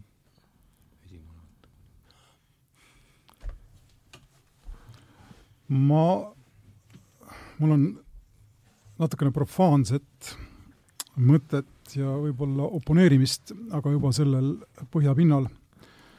Ehm, aga ennem ma ütleksin midagi, mis mulle torkas kõrva või päris alguse poole siin selles, mis sa ütlesid, määrab või mõjutab. ma, ja no ma ilmselt tulen jälle siit selle ühe alguse meeste poolt. aga ma olen üsna kindlalt seda meelt, et keel või mis iganes see mehhanism on, mis ei ole paindunud eesti keele ja tema eellaste ütleme siis ilmatajus India-Euroopa või mis iganes muule survele. ja see on ka, need on sellised tähistuslikud sildid siin, sest ma üldse ei kahtle, et eesti keel suures osas või mingis osas vähemalt baseerub mingile varagermaani kihile, inimesed, kes vahetasid keelt ja tegid germaani keele peale e-, endale soome-ugri tulnud Läänemere soome keelest uue keele no aga see on üks teine teema, aga ühesõnaga ma tahan öelda, et need asjad on ka segunenud omavahel ja selles mõttes mulle see keele essentsialism ei meeldi, et, et, et siit sellega kipub kaasnema see mõte, et on olemas mingisugune puhas Eesti alge ja selle vastu on mingisugune puhas, äh, ma ei tea, saksa või mingi muu alge. midagi oma meil siin ei ole, seda ütles ka Masing ja seda on võimatu sealt põhjast kätte saada, ükskõik kui hästi me tahame, kui me ka vaatame ainult sellele, kui me viitsiksime vaadata sellele, kuidas meie igapäevane ilus eesti keel koosneb lihtsalt otsetõlgetest saksa Bildungssprachest see on täiesti lööv või masendav kogemus, kui sellele keskenduda, ma, sina Manni lugejana kindlasti tead seda. aga põhimõtteliselt ma pakun, et et selles mehhanismis on siiski midagi määravat. see mõjutamine jätab sellise võimaluse, et noh, meil on võimalus keeles kuidagi mööda astuda või kõrvale. ja teatud mõttes see on, aga kus ma nagu arvan, et mul on õigus, on see, et me kõik teame, saame aru sellest, et see kõrvaleastumine on kuidagi vigane agrammatiline, kui öelda kreeka keeles, kehvas kreeka keeles. ja näiteks ma võtan siin sellesama olema verbi, mida metafüüsika, saksa pastorite ja metafüüsika äh, toimel ja nõudmisel me oleme hakanud kasutama, nagu kasutavad seda indoeurooplased. ja võtame siin näiteks Jumal on, punkt see on agrammatiline eesti keeles, see ei tähenda mitte midagi seni, kuni me ei pane sinna on järgi, keel ootab sinna midagi. -hmm. me võime endale näo teha, et midagi tähendab selline, ma ei tea, tees või väljend mina olen, punkt, või olla või mitte olla, selles on küsimus, punkt. aga tegelikult ta ei tähenda, eriti selgeks saab see siis, kui me pöörame selle eitusse, jumal, jumal ei ole, punkt. ei ole grammatiline lause. täpselt sama tähendus, saksa keeles ta tähendaks kenasti, ka ehitus tähendab sisuliselt sama, mida jaotus, lihtsalt teistpidi pööratud, eks mm. -hmm. Eesti keeles tal tähendust ei ole. mida ma üritada, mida ma üritan öelda siin, on see, et siin on mingid mehhanismid keeles, mis ei ole lasknud meil toimuda seda, mis väidetavalt toimus Vana-Kreeka keeles, kus enne seda esimest filosoofide või metafüüsikute, presokraatikute lainet ka seesama, või seesama olema verb, minu vana-kreeka keel ei ole väga hea, ma ei hakka seda siin praegu otse-eetris ütlema. oled tudeerinud natuke seda? ma olen veidi lugenud, aga ei ole, ei ole ohtlikumat asja kui amatöör, kes millestki huvitav, eks. aga põhimõtteliselt, ja see, ma tsiteerin teisi, kes ei ole amatöörid, aga see verb oli kasutusel veriidilisena, ehk siis selle olema verbiga sedastati millegi tõsiolemist.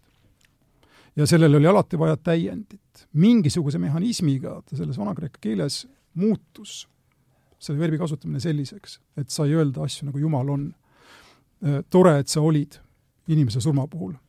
punkt, mitte olema. Eesti keeles näiteks minu keeletaju nõuab sinna olemas vähemalt siis lõppu, eks ma saan aru, et räägitakse eksistentsist ja nii edasi.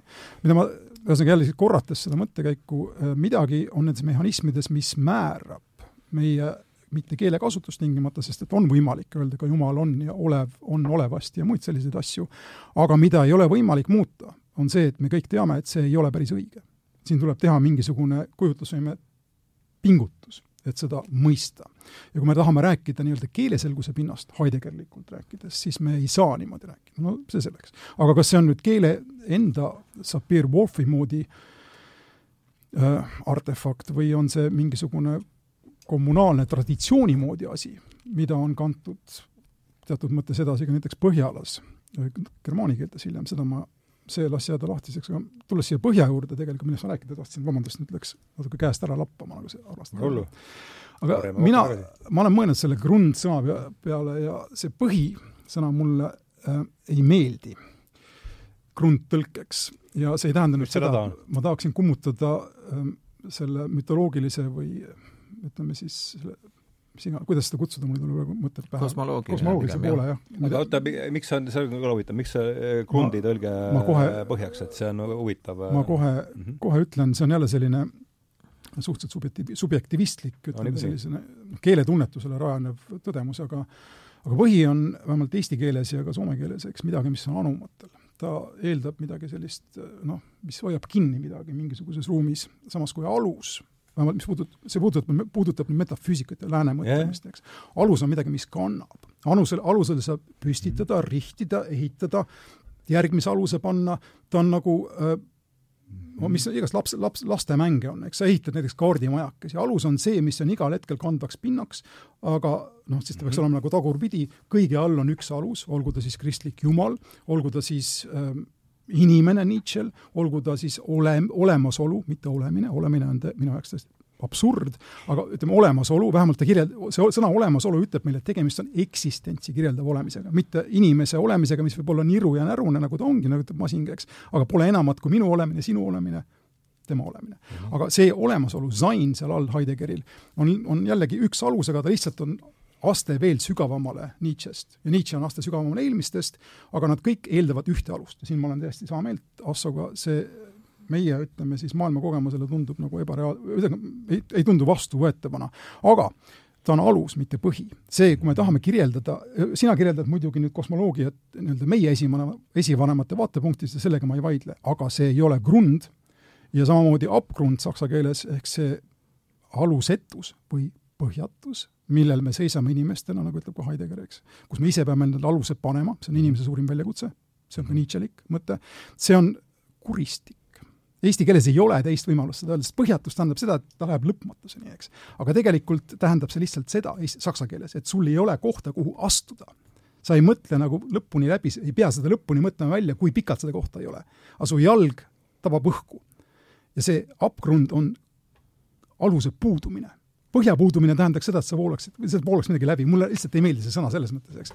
aga ühesõnaga, metafüüsika opereerib alustega ja alus, mhm. aluste ehitamisele, aluste peale ja siis ka teistpidi mõtlemine tähendab siis läbi aluste tagasiminekut võimalikult kaugele sellele hüpoteetilisele ühele alusele, mis siis on kõige hakuks, algus on ilus sõna, mis tuletab ka alusest ja mida ei anna tuletada põhjast. Ja Heidegger omakorda siis räägib äh, anfangist, mis ei ole otseselt nüüd sama sõna, aga mis eesti keeles oleks nagu hakk, ma ütleksin, ja mis nagu jällegi paneb selle aluse liikuma.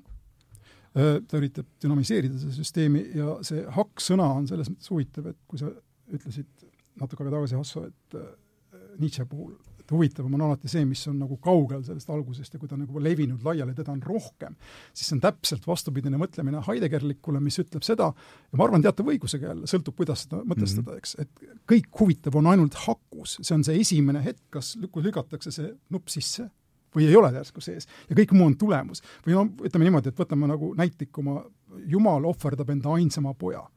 meie noh, meie tsivilisatsiooni alussündmus, nii palju kui me siin oleme postkristlased, eks. teatud mõttes see tähendus ikkagi on sellel mäel, kus ta oli seal röövli ja kelle vahel, eks, ja talt voolas verd, mitte selles, mis kahe tuhande aasta pärast teoloogid temast kirjutavad, kuigi seda on mõõtmatult rohkem, eks. või Kaali kraater, kes nägi seda meteoriiti tulemas tema kogemus on hoopis midagi muud kui selle inimese kogemus, kes geoloogilisele andmestikule põhinedes ütleb, juhtus umbes kolm tuhat aastat tagasi ja tal olid sellised mõõtmed ja nii edasi ja see on see masing, eks, et see kuristi, et kus on selle kuristi piirid ja kas tal on mõõdud ja kas laevad saavad temast üle ja masing põhimõtteliselt nende paari reaga minu arvates kirjeldab seda, seda maailma, meie maailma, meie keelega. aga jah, see on alus ja, alus ja hakk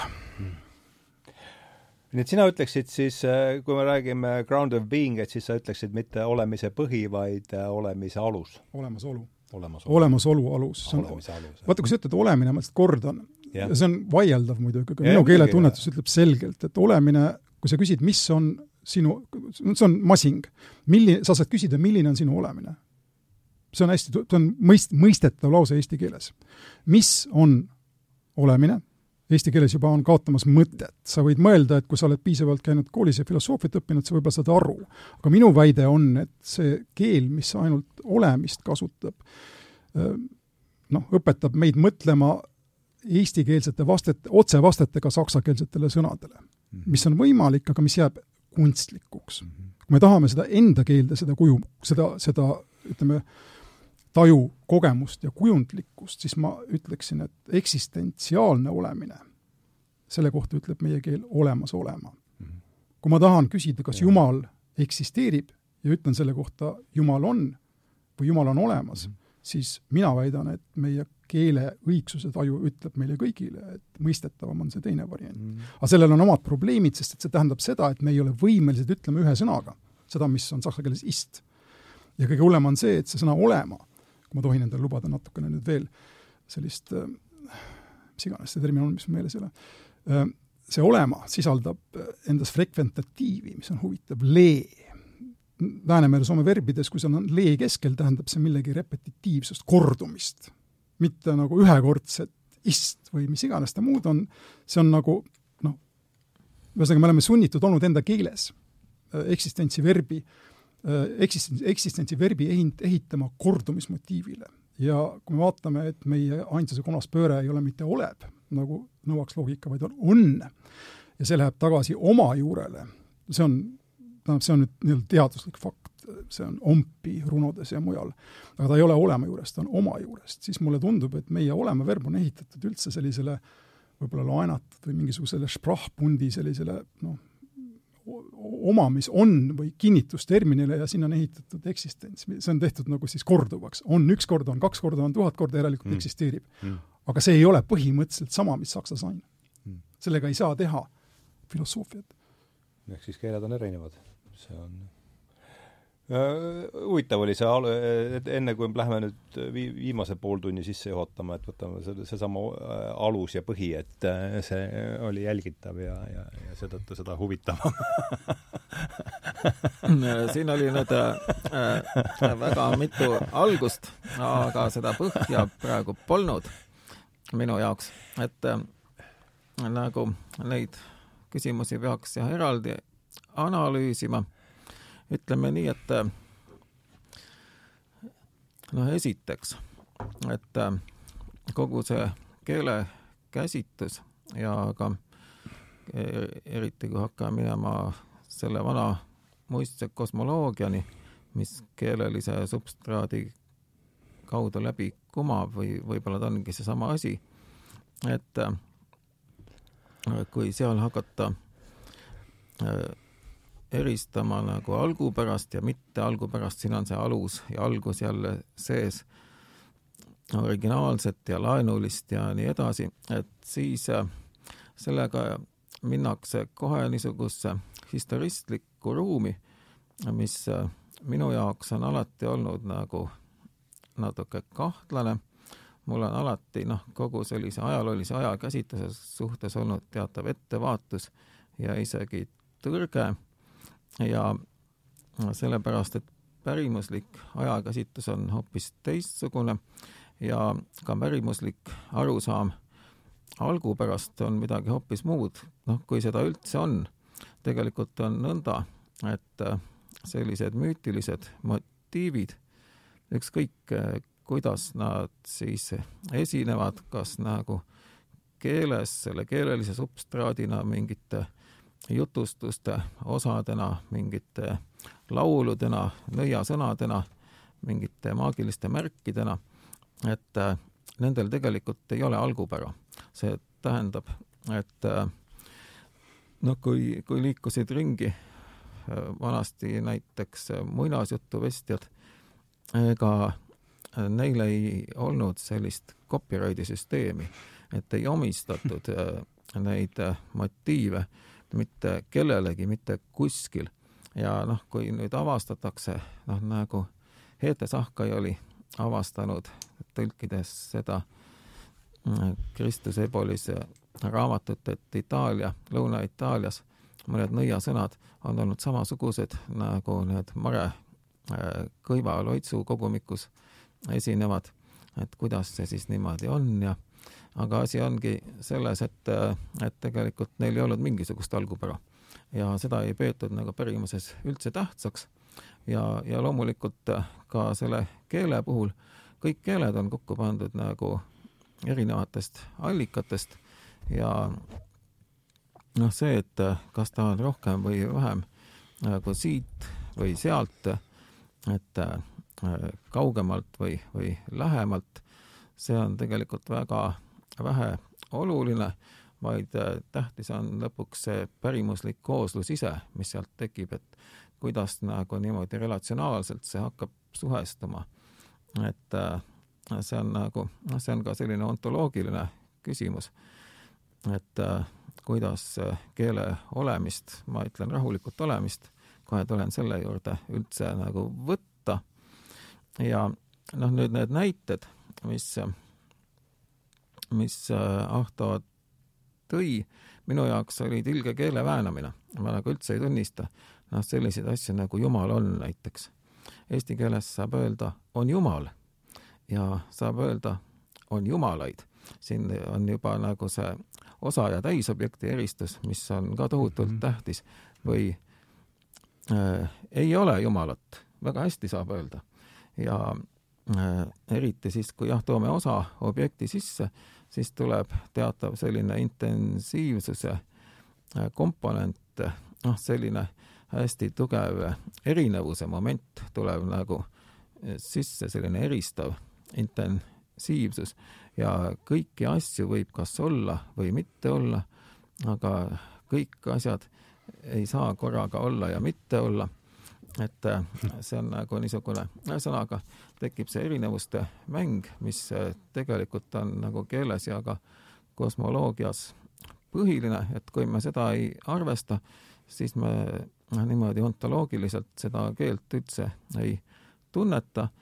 Ja noh, see, kui ka tõlkida ükskõik siis millist filosoofiat, mis keelest tahes, siis äh, me tegelikult toome ta sellesse enda pärimuslikku mängu, niisamuti nagu noh, varem on, on kõiki sõnu, kõiki müütilisi jutustusi nagu viidud kokku, leiutatud nende kaudu uusi ja nii edasi, et äh, need sõnad või motiivid, äh, mis, müteemid, mis üle kanduvad, nad tihti mõtestatakse ümber, nad hakkavad elama teistsugust elu, see on selline, noh, see ongi selline tegelikult selline dionüüsiline pulbitsemine. Mm -hmm. ja et äh, kogu see lugu nüüd alusest ja põhjast, et tegelikult selles asjas olen ma nagu Ahtoga päris nõus.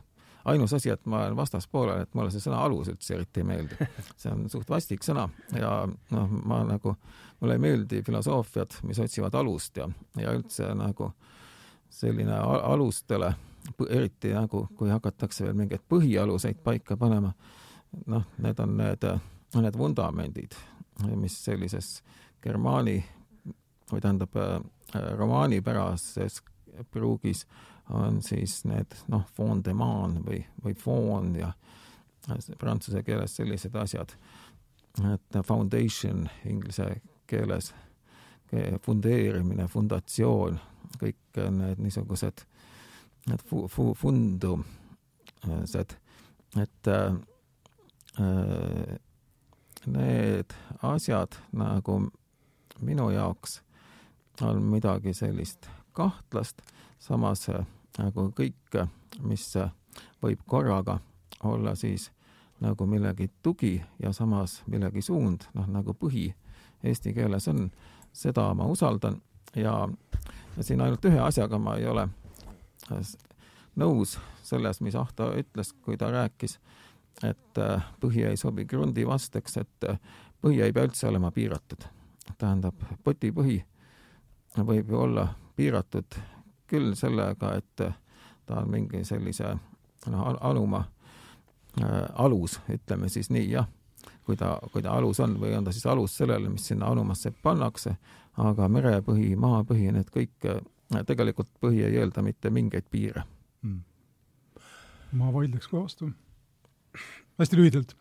Ehm, see on nüüd, see läheb nüüd veidikene nagu lappama selle mütoloogilis- kosmoloogilise poole pealt, vabandust, aga äh, välja, ma võtan korraks väljakutse vastu, see on huvitav teema äh,. ja see, mis ma ütlen, ei tõesta iseenesest midagi, aga kui vaadata seda, kuidas eesti keel suhtub äh, vee, ütleme siis loodusliku vee ja eriti merevee või ütleme, avavee kirjeldamisse, siis ta on selline maa-eelduslik. Ja minu arvates põhi on maa-eelduslik sõna. tähendab siis see seda, et vesi on, no vesi on põhimõtteliselt midagi, mis on, mis, mis on maa kuidagi sees või maa õnaruses või teda tunnistatakse sellisena, meil on madal vesi ja võimatu on tõlkida ingliskeelset väljendit shallow grave näiteks.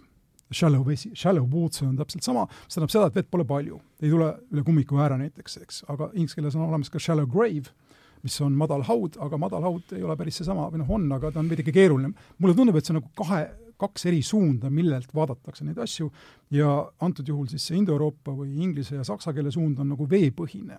Äh, aga no mind, nad, aga nad ei räägi muidugi metafüüsikas veest, vaid nad räägivad ikkagi kuivast maast, aga, aga, aga meil see, see põhi kuidagi kuival maal nagu äh, noh, ütleme siis, ta on olemas, sa paned põhja millelegi alla, aga kui sa paned kui sa maja ehitad, siis sa ei tee talle põhja, sa paned talle aluse. Või mulle tundub vähemalt, et keel on niimoodi nihkunud, et ta räägib sellistes kontekstides alu, alusest. Mida ma tahtsin nüüd veel öelda, on selle repliigi korras, ma olen täiesti nõus selle, selle osastavaga osa hulgaga, ma arvan, et see ei ole ühesõnaga, et see ongi osa hulga küsimus teatud mõttes, mida me teha ei saa, oli see, mida ütlesin mina, et me ei saa panna Jumalat olema nimetava, see saksa pastorid on sellest kirjutanud, mul ei tule praegu ette seda viidet, kus ma seda viima-, viimast korda lugesin, aga, aga sakslased on seda tunnetanud äh, eesti keelt kasutades ja, ja see jääb noh, ütleme siis tõsiasjaks, et jumal on, ei tähenda midagi, nagu ütlesid sina, jumalaid on, on, ma olen täiesti nõus, jumalat on, peaksime võib-olla ka suutma öelda mingisuguse teise mõttega, aga jumal on, me ei suuda öelda, et sellel keeles oleks mõte ja see, et me osastame, on osaliselt just nagu see, ütleme, minu nagu teooria või mõtlemise järgmine samm, ma ei taha nüüd kõiki samme läbi teha, meil ei ole aega selleks, eks, aga aga see tähendab ka seda, et me eeldame iga, kõige eksisteeriva osalust või juba tulemist mingisugusest varasemast eelnevast, mille osaks ta on ja mis äh, metafüüsiliselt vaadates, et ei saaks niimoodi olla, kui midagi sellist nagu Jumal on osa millestki, mis on juba varem olemas ja mis on eelduseks, järelikult Jumal on eeldus. ja see on absurdne, see on regress absurdumisse nende vaatepunktist ja Jumal oligi selleks sinna pandud, suure tähega Jumal, eks, et tema taga enam midagi ei oleks, aga eesti keel ei aktsepteeri seda, eesti keel osastab maailma nagu jaksab ja seetõttu ta ei olegi võimeline maa-, Osast, osastab maailma nagu jaksab. ja ta ei olegi võimeline panema maailmale ühte alust, mille juures kõik järsku jääks toppama, peatuks. kust enam, kus, kust enam edasi minna või tagasi minna ei ole võimalik. see oli mu mõte, ma arvan, et ma ei ole sinuga väga erineval leheküljel siin. jah, ilmselt äh, tegelikult see klapib kokku, muidugi sa jätsid praegu kõrvale selle artikli probleemi, et see on nagu omaette, sest äh, alati saab öelda, on üks Jumal ja alati saab öelda, on see Jumal. jaa, aga kui sa ütled, on üks Jumal, siis sinna kohe tuleb mulle sulgudesse taha, aga on ka teisi, eks. just, muidugi on, kindlasti on teisi, jah. vot, aga see ongi alati valikmoment. see äh, läheb sinna Ateena ja Jeruusalemma juurde ju ka natukene. polüteism ja monoteism ja need on ju täitsa kesksed teemad siin praegu, mulle tundub, kusagil varjus. jah, et äh, noh, polüteism on muidugi selline kunstlikult loodud termin teoloogias, et ega iseenesest noh, sellele on ka ju vastu vaieldud, Jan Assmann on ju Jan Assmann. seda jah, egiptoloog, väga tuntud, kes kirjutas selle raamatu Egiptlane Mooses. et äh, seal ta tegelikult ju hülgab selle polüteismi mõiste ja Aha. selle asemel kasutab kosmoteismi ah,. Nii. siis niisuguse noh, vanema mõistse religiooni kohta, kus jumalad on teineteisega nagu noh, mitte, mitte ainult suhestuvad, vaid ka nagu teineteiseks tõlgitavad ja teevad võimalikuks sellist kultuuride vahelist dialoogi ja et noh, täiesti nagu teistmoodi. see on ikka juba siis... natuke animistlik ontoloogia on seal juba kuidagi hõljub? see ei ole tingimata animistlik, see võib olla ka nagu selline analogistlik, jah.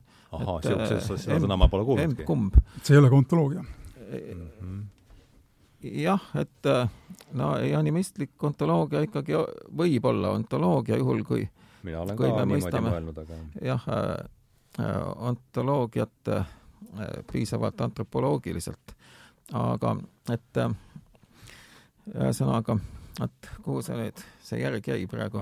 kosmotism on minu viimane asi, mis on kirjas. kosmotism ja ja sealt ma läksin, küsisin, et kas jah, ühesõnaga, et siin saab äh, ühesõnaga, keelega mängida saab ju, eesti keeles saab igat moodi, näiteks saab öelda on jumalaidki või mm. on jumalgi.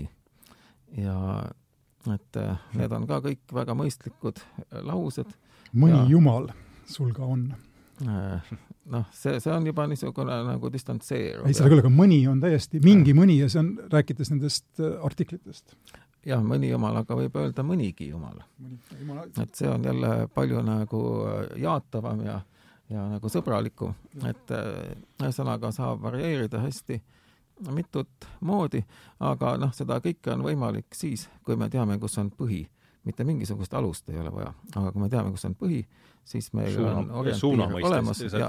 orientiiri mõistes. ja, ja, et äh, noh, siis on kõik hästi, kas me, kui me teame, kus on esivanemad? Mulle jäi kõrva korraks see uuesti see Jeruusalemm, ühesõnaga tuli meelde see Jeruusalemma no see on lihtsalt minu väike kaart olnud järgmine kord, kui, järgmine kord, kui sa Sheldrake'i näed, sa võid küsida talt selle sõna Elohim kohta, mis on äh, mis on väidetavalt mitmuse daatiiv. ehk siis äh, ka Vanas Testamendis äh, on nii-öelda see ülimuslik jumala instants mitmuses. ja võib-olla on see ülemineku hetk, eks, peab olema olnud ka ülemineku hetk ütleme, historistlikult lähenedes enne kui mitmest sai üks, aga Elohim on väidetavalt mitmuse vorm. võib-olla sa saad huvitava keskustelu. ei saa välistada. ole hea, Asso, see lause jäi mulle, mis Ahto pillas siin niimoodi, et eesti keel osastab maailma nagu jaksab, et äh, ole hea, kuidas sina sellest aru said ja ma tuleks, see oli intrigeeriv äh, mõte, et võtame selle veel enne, kui me läheme, kui me läheme nüüd päris äh, Vinisse tudustikku. jah, et äh, Äh, et äh, teda on nimetatud jah, partitiiviks ja osastavaks seda käänet, aga iseenesest see noh, ka, ka see osa objekt ei ütle veel päriselt kõike äh, selle grammatilise vormi või noh, selle erinevuse kohta täis ja osa objekti vahel, et see, mhm. see võib olla osastamine aga see võib olla ka osalemine ja, ja osa saamine ja nii edasi. osadus võib, võib seal olla. et eh, noh, kõik need intensiivsused on seal olemas, lihtsalt kui minnakse sellelt niinimetatud täisobjektilt üle osaobjektile mm, -hmm. siis intensiivsus tohutult suureneb. et noh, lugesin raamat, raamatu läbi, eks ole, okei okay,, aga kui ma loen raamatut, siis noh, see on väga intensiivne. et äh, nägin see on siis see osa, osa, äh, kuidas sa nimetad seda, loen raamatut, loe, luge, mis need täp-, oskussõnad seal on, mis täissihitis on? Äh, kui ma lugesin raamatu läbi, siis see on täis, see on täissihitis? täis äh, objekt, jah.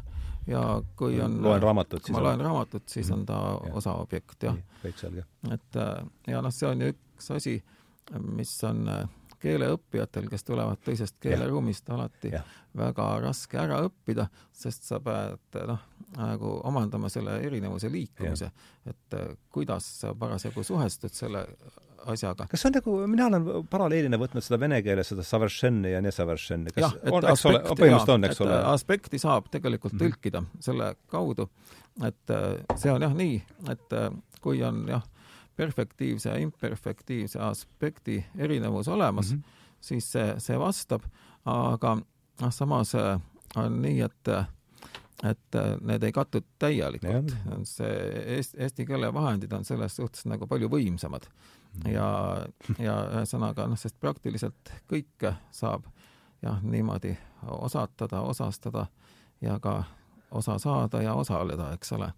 et äh, seal on kõik need asjad ja noh, alati on tunda seda intensiivsuse muutust ja muidugi noh, see, mida see just hakkab tähendama, sõltub ka kontekstist ja tegelikult see ikkagi viib ontoloogiani ka, et põhimõtteliselt me saame küll öelda, et on olemas ja noh, võiks öelda, et on olemine, on näiteks noh, mõnus olemine, aga noh, soovitakse ikka mõnusat olemist. et see on nagu hoopis teine asi ja ühesõnaga siin nagu midagi läheb käima, noh, asjad, noh, vot siin on nagu see hakatus, aga, aga ta ei ole mitte alus, vaid noh, ma ütleks, et ta on selline ürg, nagu ürjatakse midagi. sellest ma ei saa üldse aru, aga ma osutaksin ka sellele, et näiteks saksa keeles kogu liikumine või dünaamilisus selles olema verbis on Verdeni poole peal, eks, kui sa tahad öelda midagi tinglikult konditsionaalis ja nii edasi, sa kasutad Verdenit, eesti keeles on see kõik olemise kanda, kui sa tahad öelda, et midagi on tinglik, sa ütled seda olemissõna. äh, modifitseerides ja siin ma olen, ma arvan, sinuga nõus, kui ma nüüd õigesti aru sain, ehk siis siin on mingisugune selline eesti keele olemas, on olemas dünaamiline printsiip, mis jällegi teeb ta mitte vastavaks saksa sannile, kus dünaamilist printsiipi ei ole, vaid see on viidud välja Verdenisse, aga see selleks, ma tahan võib-olla natukene su pea panna plahvatama, kui ma tohin ühe minutiga siis äh, see osasta, mida mina silmas pidasin, omab vähem pistmist selle imperfektiivi ja perfektiiviga ja see debatt, mis meil on olnud siin paar aastakümmet, et äh, indoeuroopa keeled meil suruvad osastavat peale meile näiteks äh, selle, noh, kohtades, kus peaks olema nii-öelda perfektiiv, ehk siis näiteks väga halb näide, aga mul ei tule kunagi ühtegi muud pähe, vägistati keegi, eks teda ei vägistatud, vaid ta vägistati. et kusjuures siin on veel nimetav, mitte osastav, eks, aga see kõik, äh, ja see on nüüd see pea plahvatamise pool, see kõik on äh, minu arvates selline noh, asendustegevus, me tegeleme nimi, me tegeleme substantiivil või nimisõnad, substantiividel nimisõnadel baseeruva keele mm -hmm. liikumise enda keel, ütleme siis mehaanika enda keelde tõstmisega mm. -hmm. ja, ja see, see osastab ja kogu see imperfektiivsus ja nii edasi on iseenesest masinlikult võttes noh, ta on nagu päri-, mitte päriselt need, need tut pritšom, tut need pritšom, äh, meil on vajalik sellega tegeleda, kuna meid ümbritsev maailm on Indo-Euroopa oma, aga -hmm. suurem osa sellest ei ole tegelikult tähtis ja on väljendatud verbide kaudu palju kergemini, kui mhm. öelda, kas osastav või omastav, kas maja ehitati või maja ehitati või mis iganes.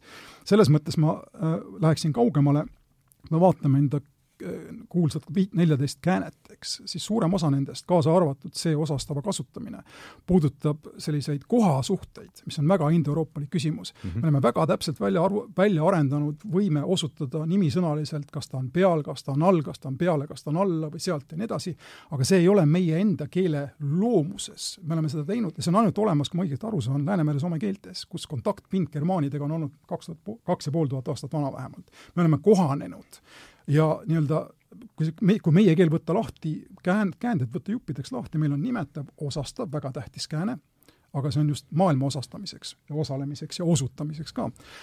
ja siis on omastav teisel pool, sest et kogu ülejäänud kään-, kõik ülejäänud käänded on ehitatud omastavale. see on põhimõtteliselt saksa daatiivi ja varasemate käänete koopia, välja arvatud olev ja saav.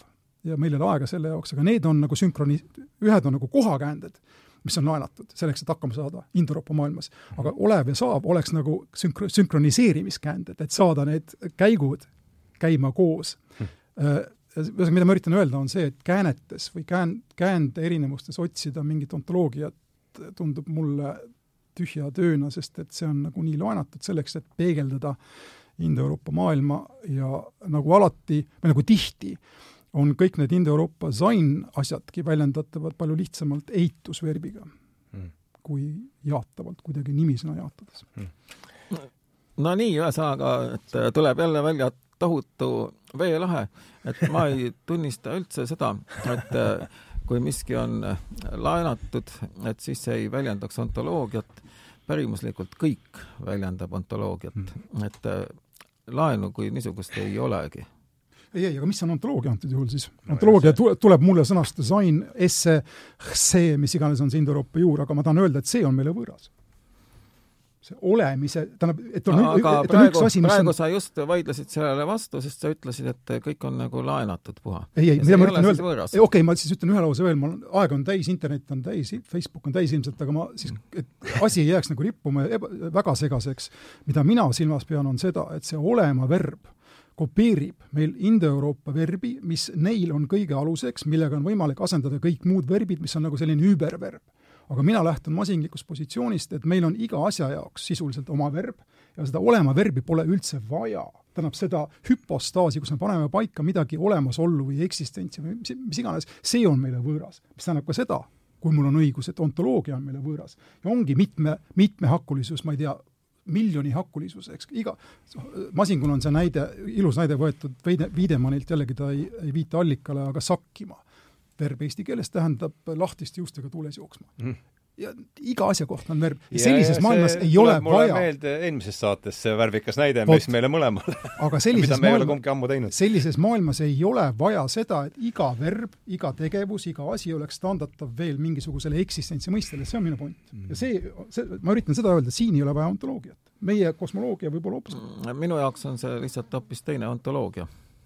no ikkagi olema sõna on see siis fundamentaalne sul ju ei, see ei ole fundamentaalne, vaid äh, see on äh, lihtsalt nagu selline tõuge, et äh, juhul, kui ei ole, asjad viidavad mingile alusele, järelikult nad ei ole objektid, aga noh, kehtivad ju nende suhted, kogu see suhete dünaamika, mina nimetan seda relatsionaalseks ontoloogiaks mm. -hmm. ja see on just see, noh, mille poole mille poole me tundub liikuma praegu, jah. aga kas me, kas sina saaksid hakkama ilma olema verbita?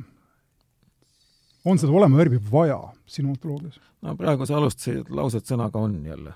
sest ma olen, meie keel on kaks tuhat, kaks, kaks pool tuhat aastat Indo-Euroopa laene täis. ei äh,, mina ei tunnista seda, et laenud oleksid võõrad, et pärimuslikult kõik, mis on juba vastu võetud, see juba ongi oma. ja et sellest tulebki lähtuda ja see, mis kunagi on olnud võõras, see võib mingil hetkel olla see kõige omam.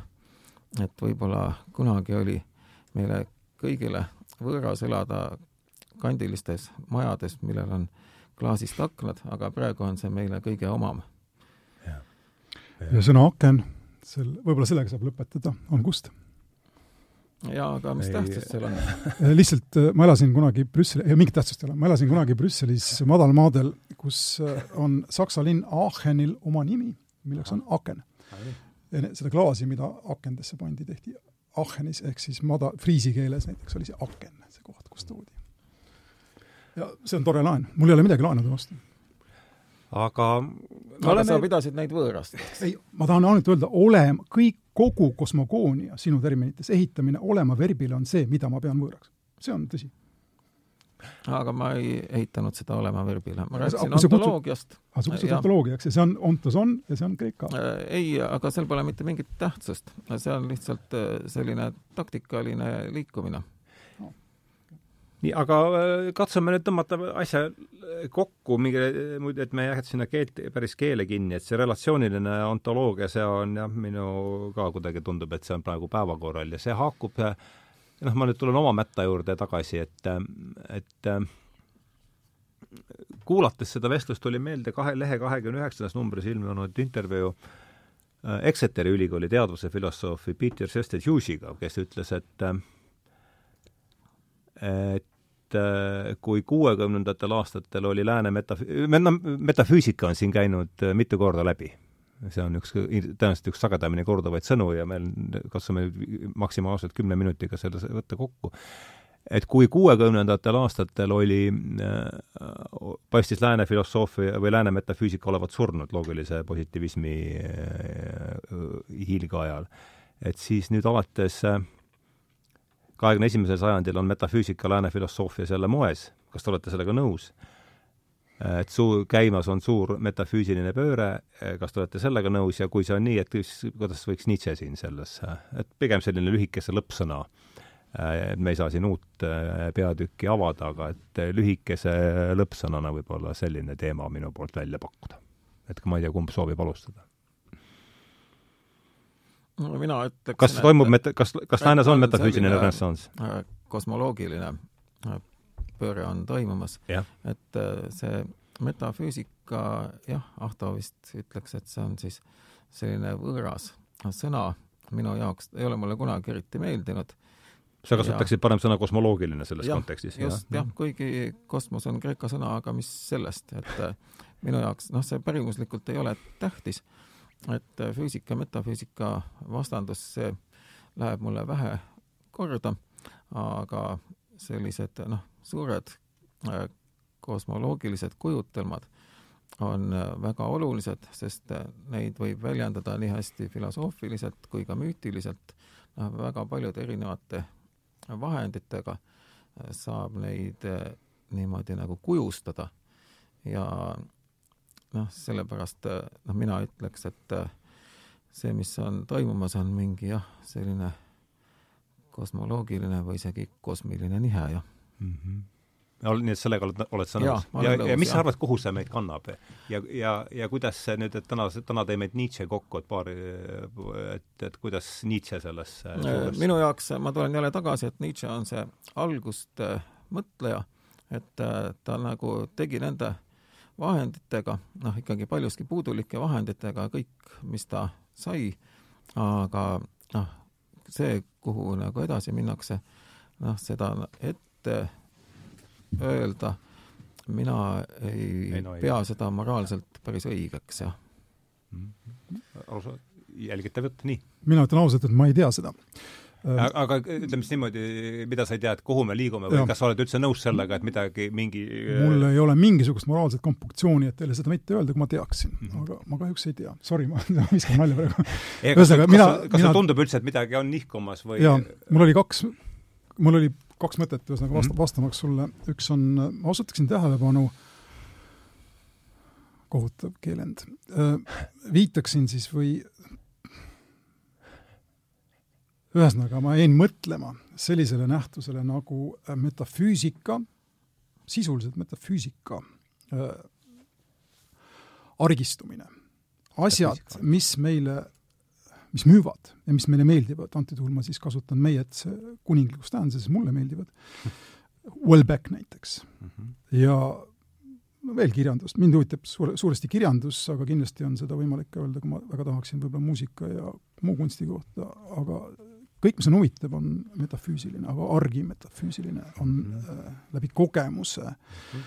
ehk siis ja. inimene nihkub üha, üha rohkem enda alusele, Jumalat, Jumal pole mitte ainult surnud, vaid ta on ka juba kõdunenud, eks Jumala kontidega võib teha mida iganes, iga inimene, ja kui me selle võtame tuleviku orientiiriks ja me lisame siia mitte isegi historistliku, vaid lihtsalt banaalse tähele, tähelepaneku, et meie arv sellel piiratud või limiteeritud või ümmargusel planeedil on järjest kasvav, siis äh, analoogia võiks siin olla äh, noh, tehiskaaslaste orbiidile saatmisega, kõigil on lootused, kõigil on oma metafüüsika, kõik saadavad need orbiidile, orbiit on täis, orbiidil hakkab tekkima ummikuid, see asi ei saa niimoodi edasi minna. Ja kõige hullem on muidugi see, et meie, antud juhul siis nüüd nende metafüüsikas, mis ei ole meie oma, on olemas ka vastus sellele ja selle, sellele on nime andnud jällegi Nietzsche terminit kasutades Heidegger ja selleks nimeks on das Riesige ehk siis hiiglaslik, niipea kui me sellest planeedi atmosfäärist välja murrame, on meie käes terve mõeldav kosmos, eks, ja see on see, mis on tõsiselt hirmus ja see on see, mis on tõsiselt mõttetu ja ennast hävitav ja, ja mida korrata ei ole mõtet, aga mille kordamisele me oleme sunnitud, ütleb Nietzsche ja veel selgemalt Heidegger, kui just ei tule mõnd Jumalat. Ja siin ma tsiteerin Heideggeri tema Spiegeli intervjuust, kus ta sellise mõtte välja ütles ja just selle määramatu artikliga, ehk siis mitte seda üht suure tähega Jumalat, vaid kui mõni Jumal ei lenda meist mööda, nagu kunagi vanadel kreeklastel Höllerlini kaudu tõlgendatult ja Nietzsche kaudu, ja ei anna meile taas seda sädet, millega teha midagi muud, kui lihtsalt paneb lehed haisema, nagu sa lihtsalt laieneda, jah, lihtsalt laieneda ja korrutada ennast lõpmatusse. kuulge, tuhat tänu! veel kord äh, suur aitäh selle väärtusliku kingituse eest, kaks tundi ajast päevast on, on äh, suur, on suur kingitus äh,, aitäh, Ossa Krull, aitäh, Ahto Lobekas, aitäh kõik, kes on teinud selle saatesarja võimalikuks, kahesaja üheksas jutuajamine sai linti ja ja lähme siis lahku veel suuremate sõpradena, kui me enne olimegi ja tõmbame, tõmbame joone alla, aitäh!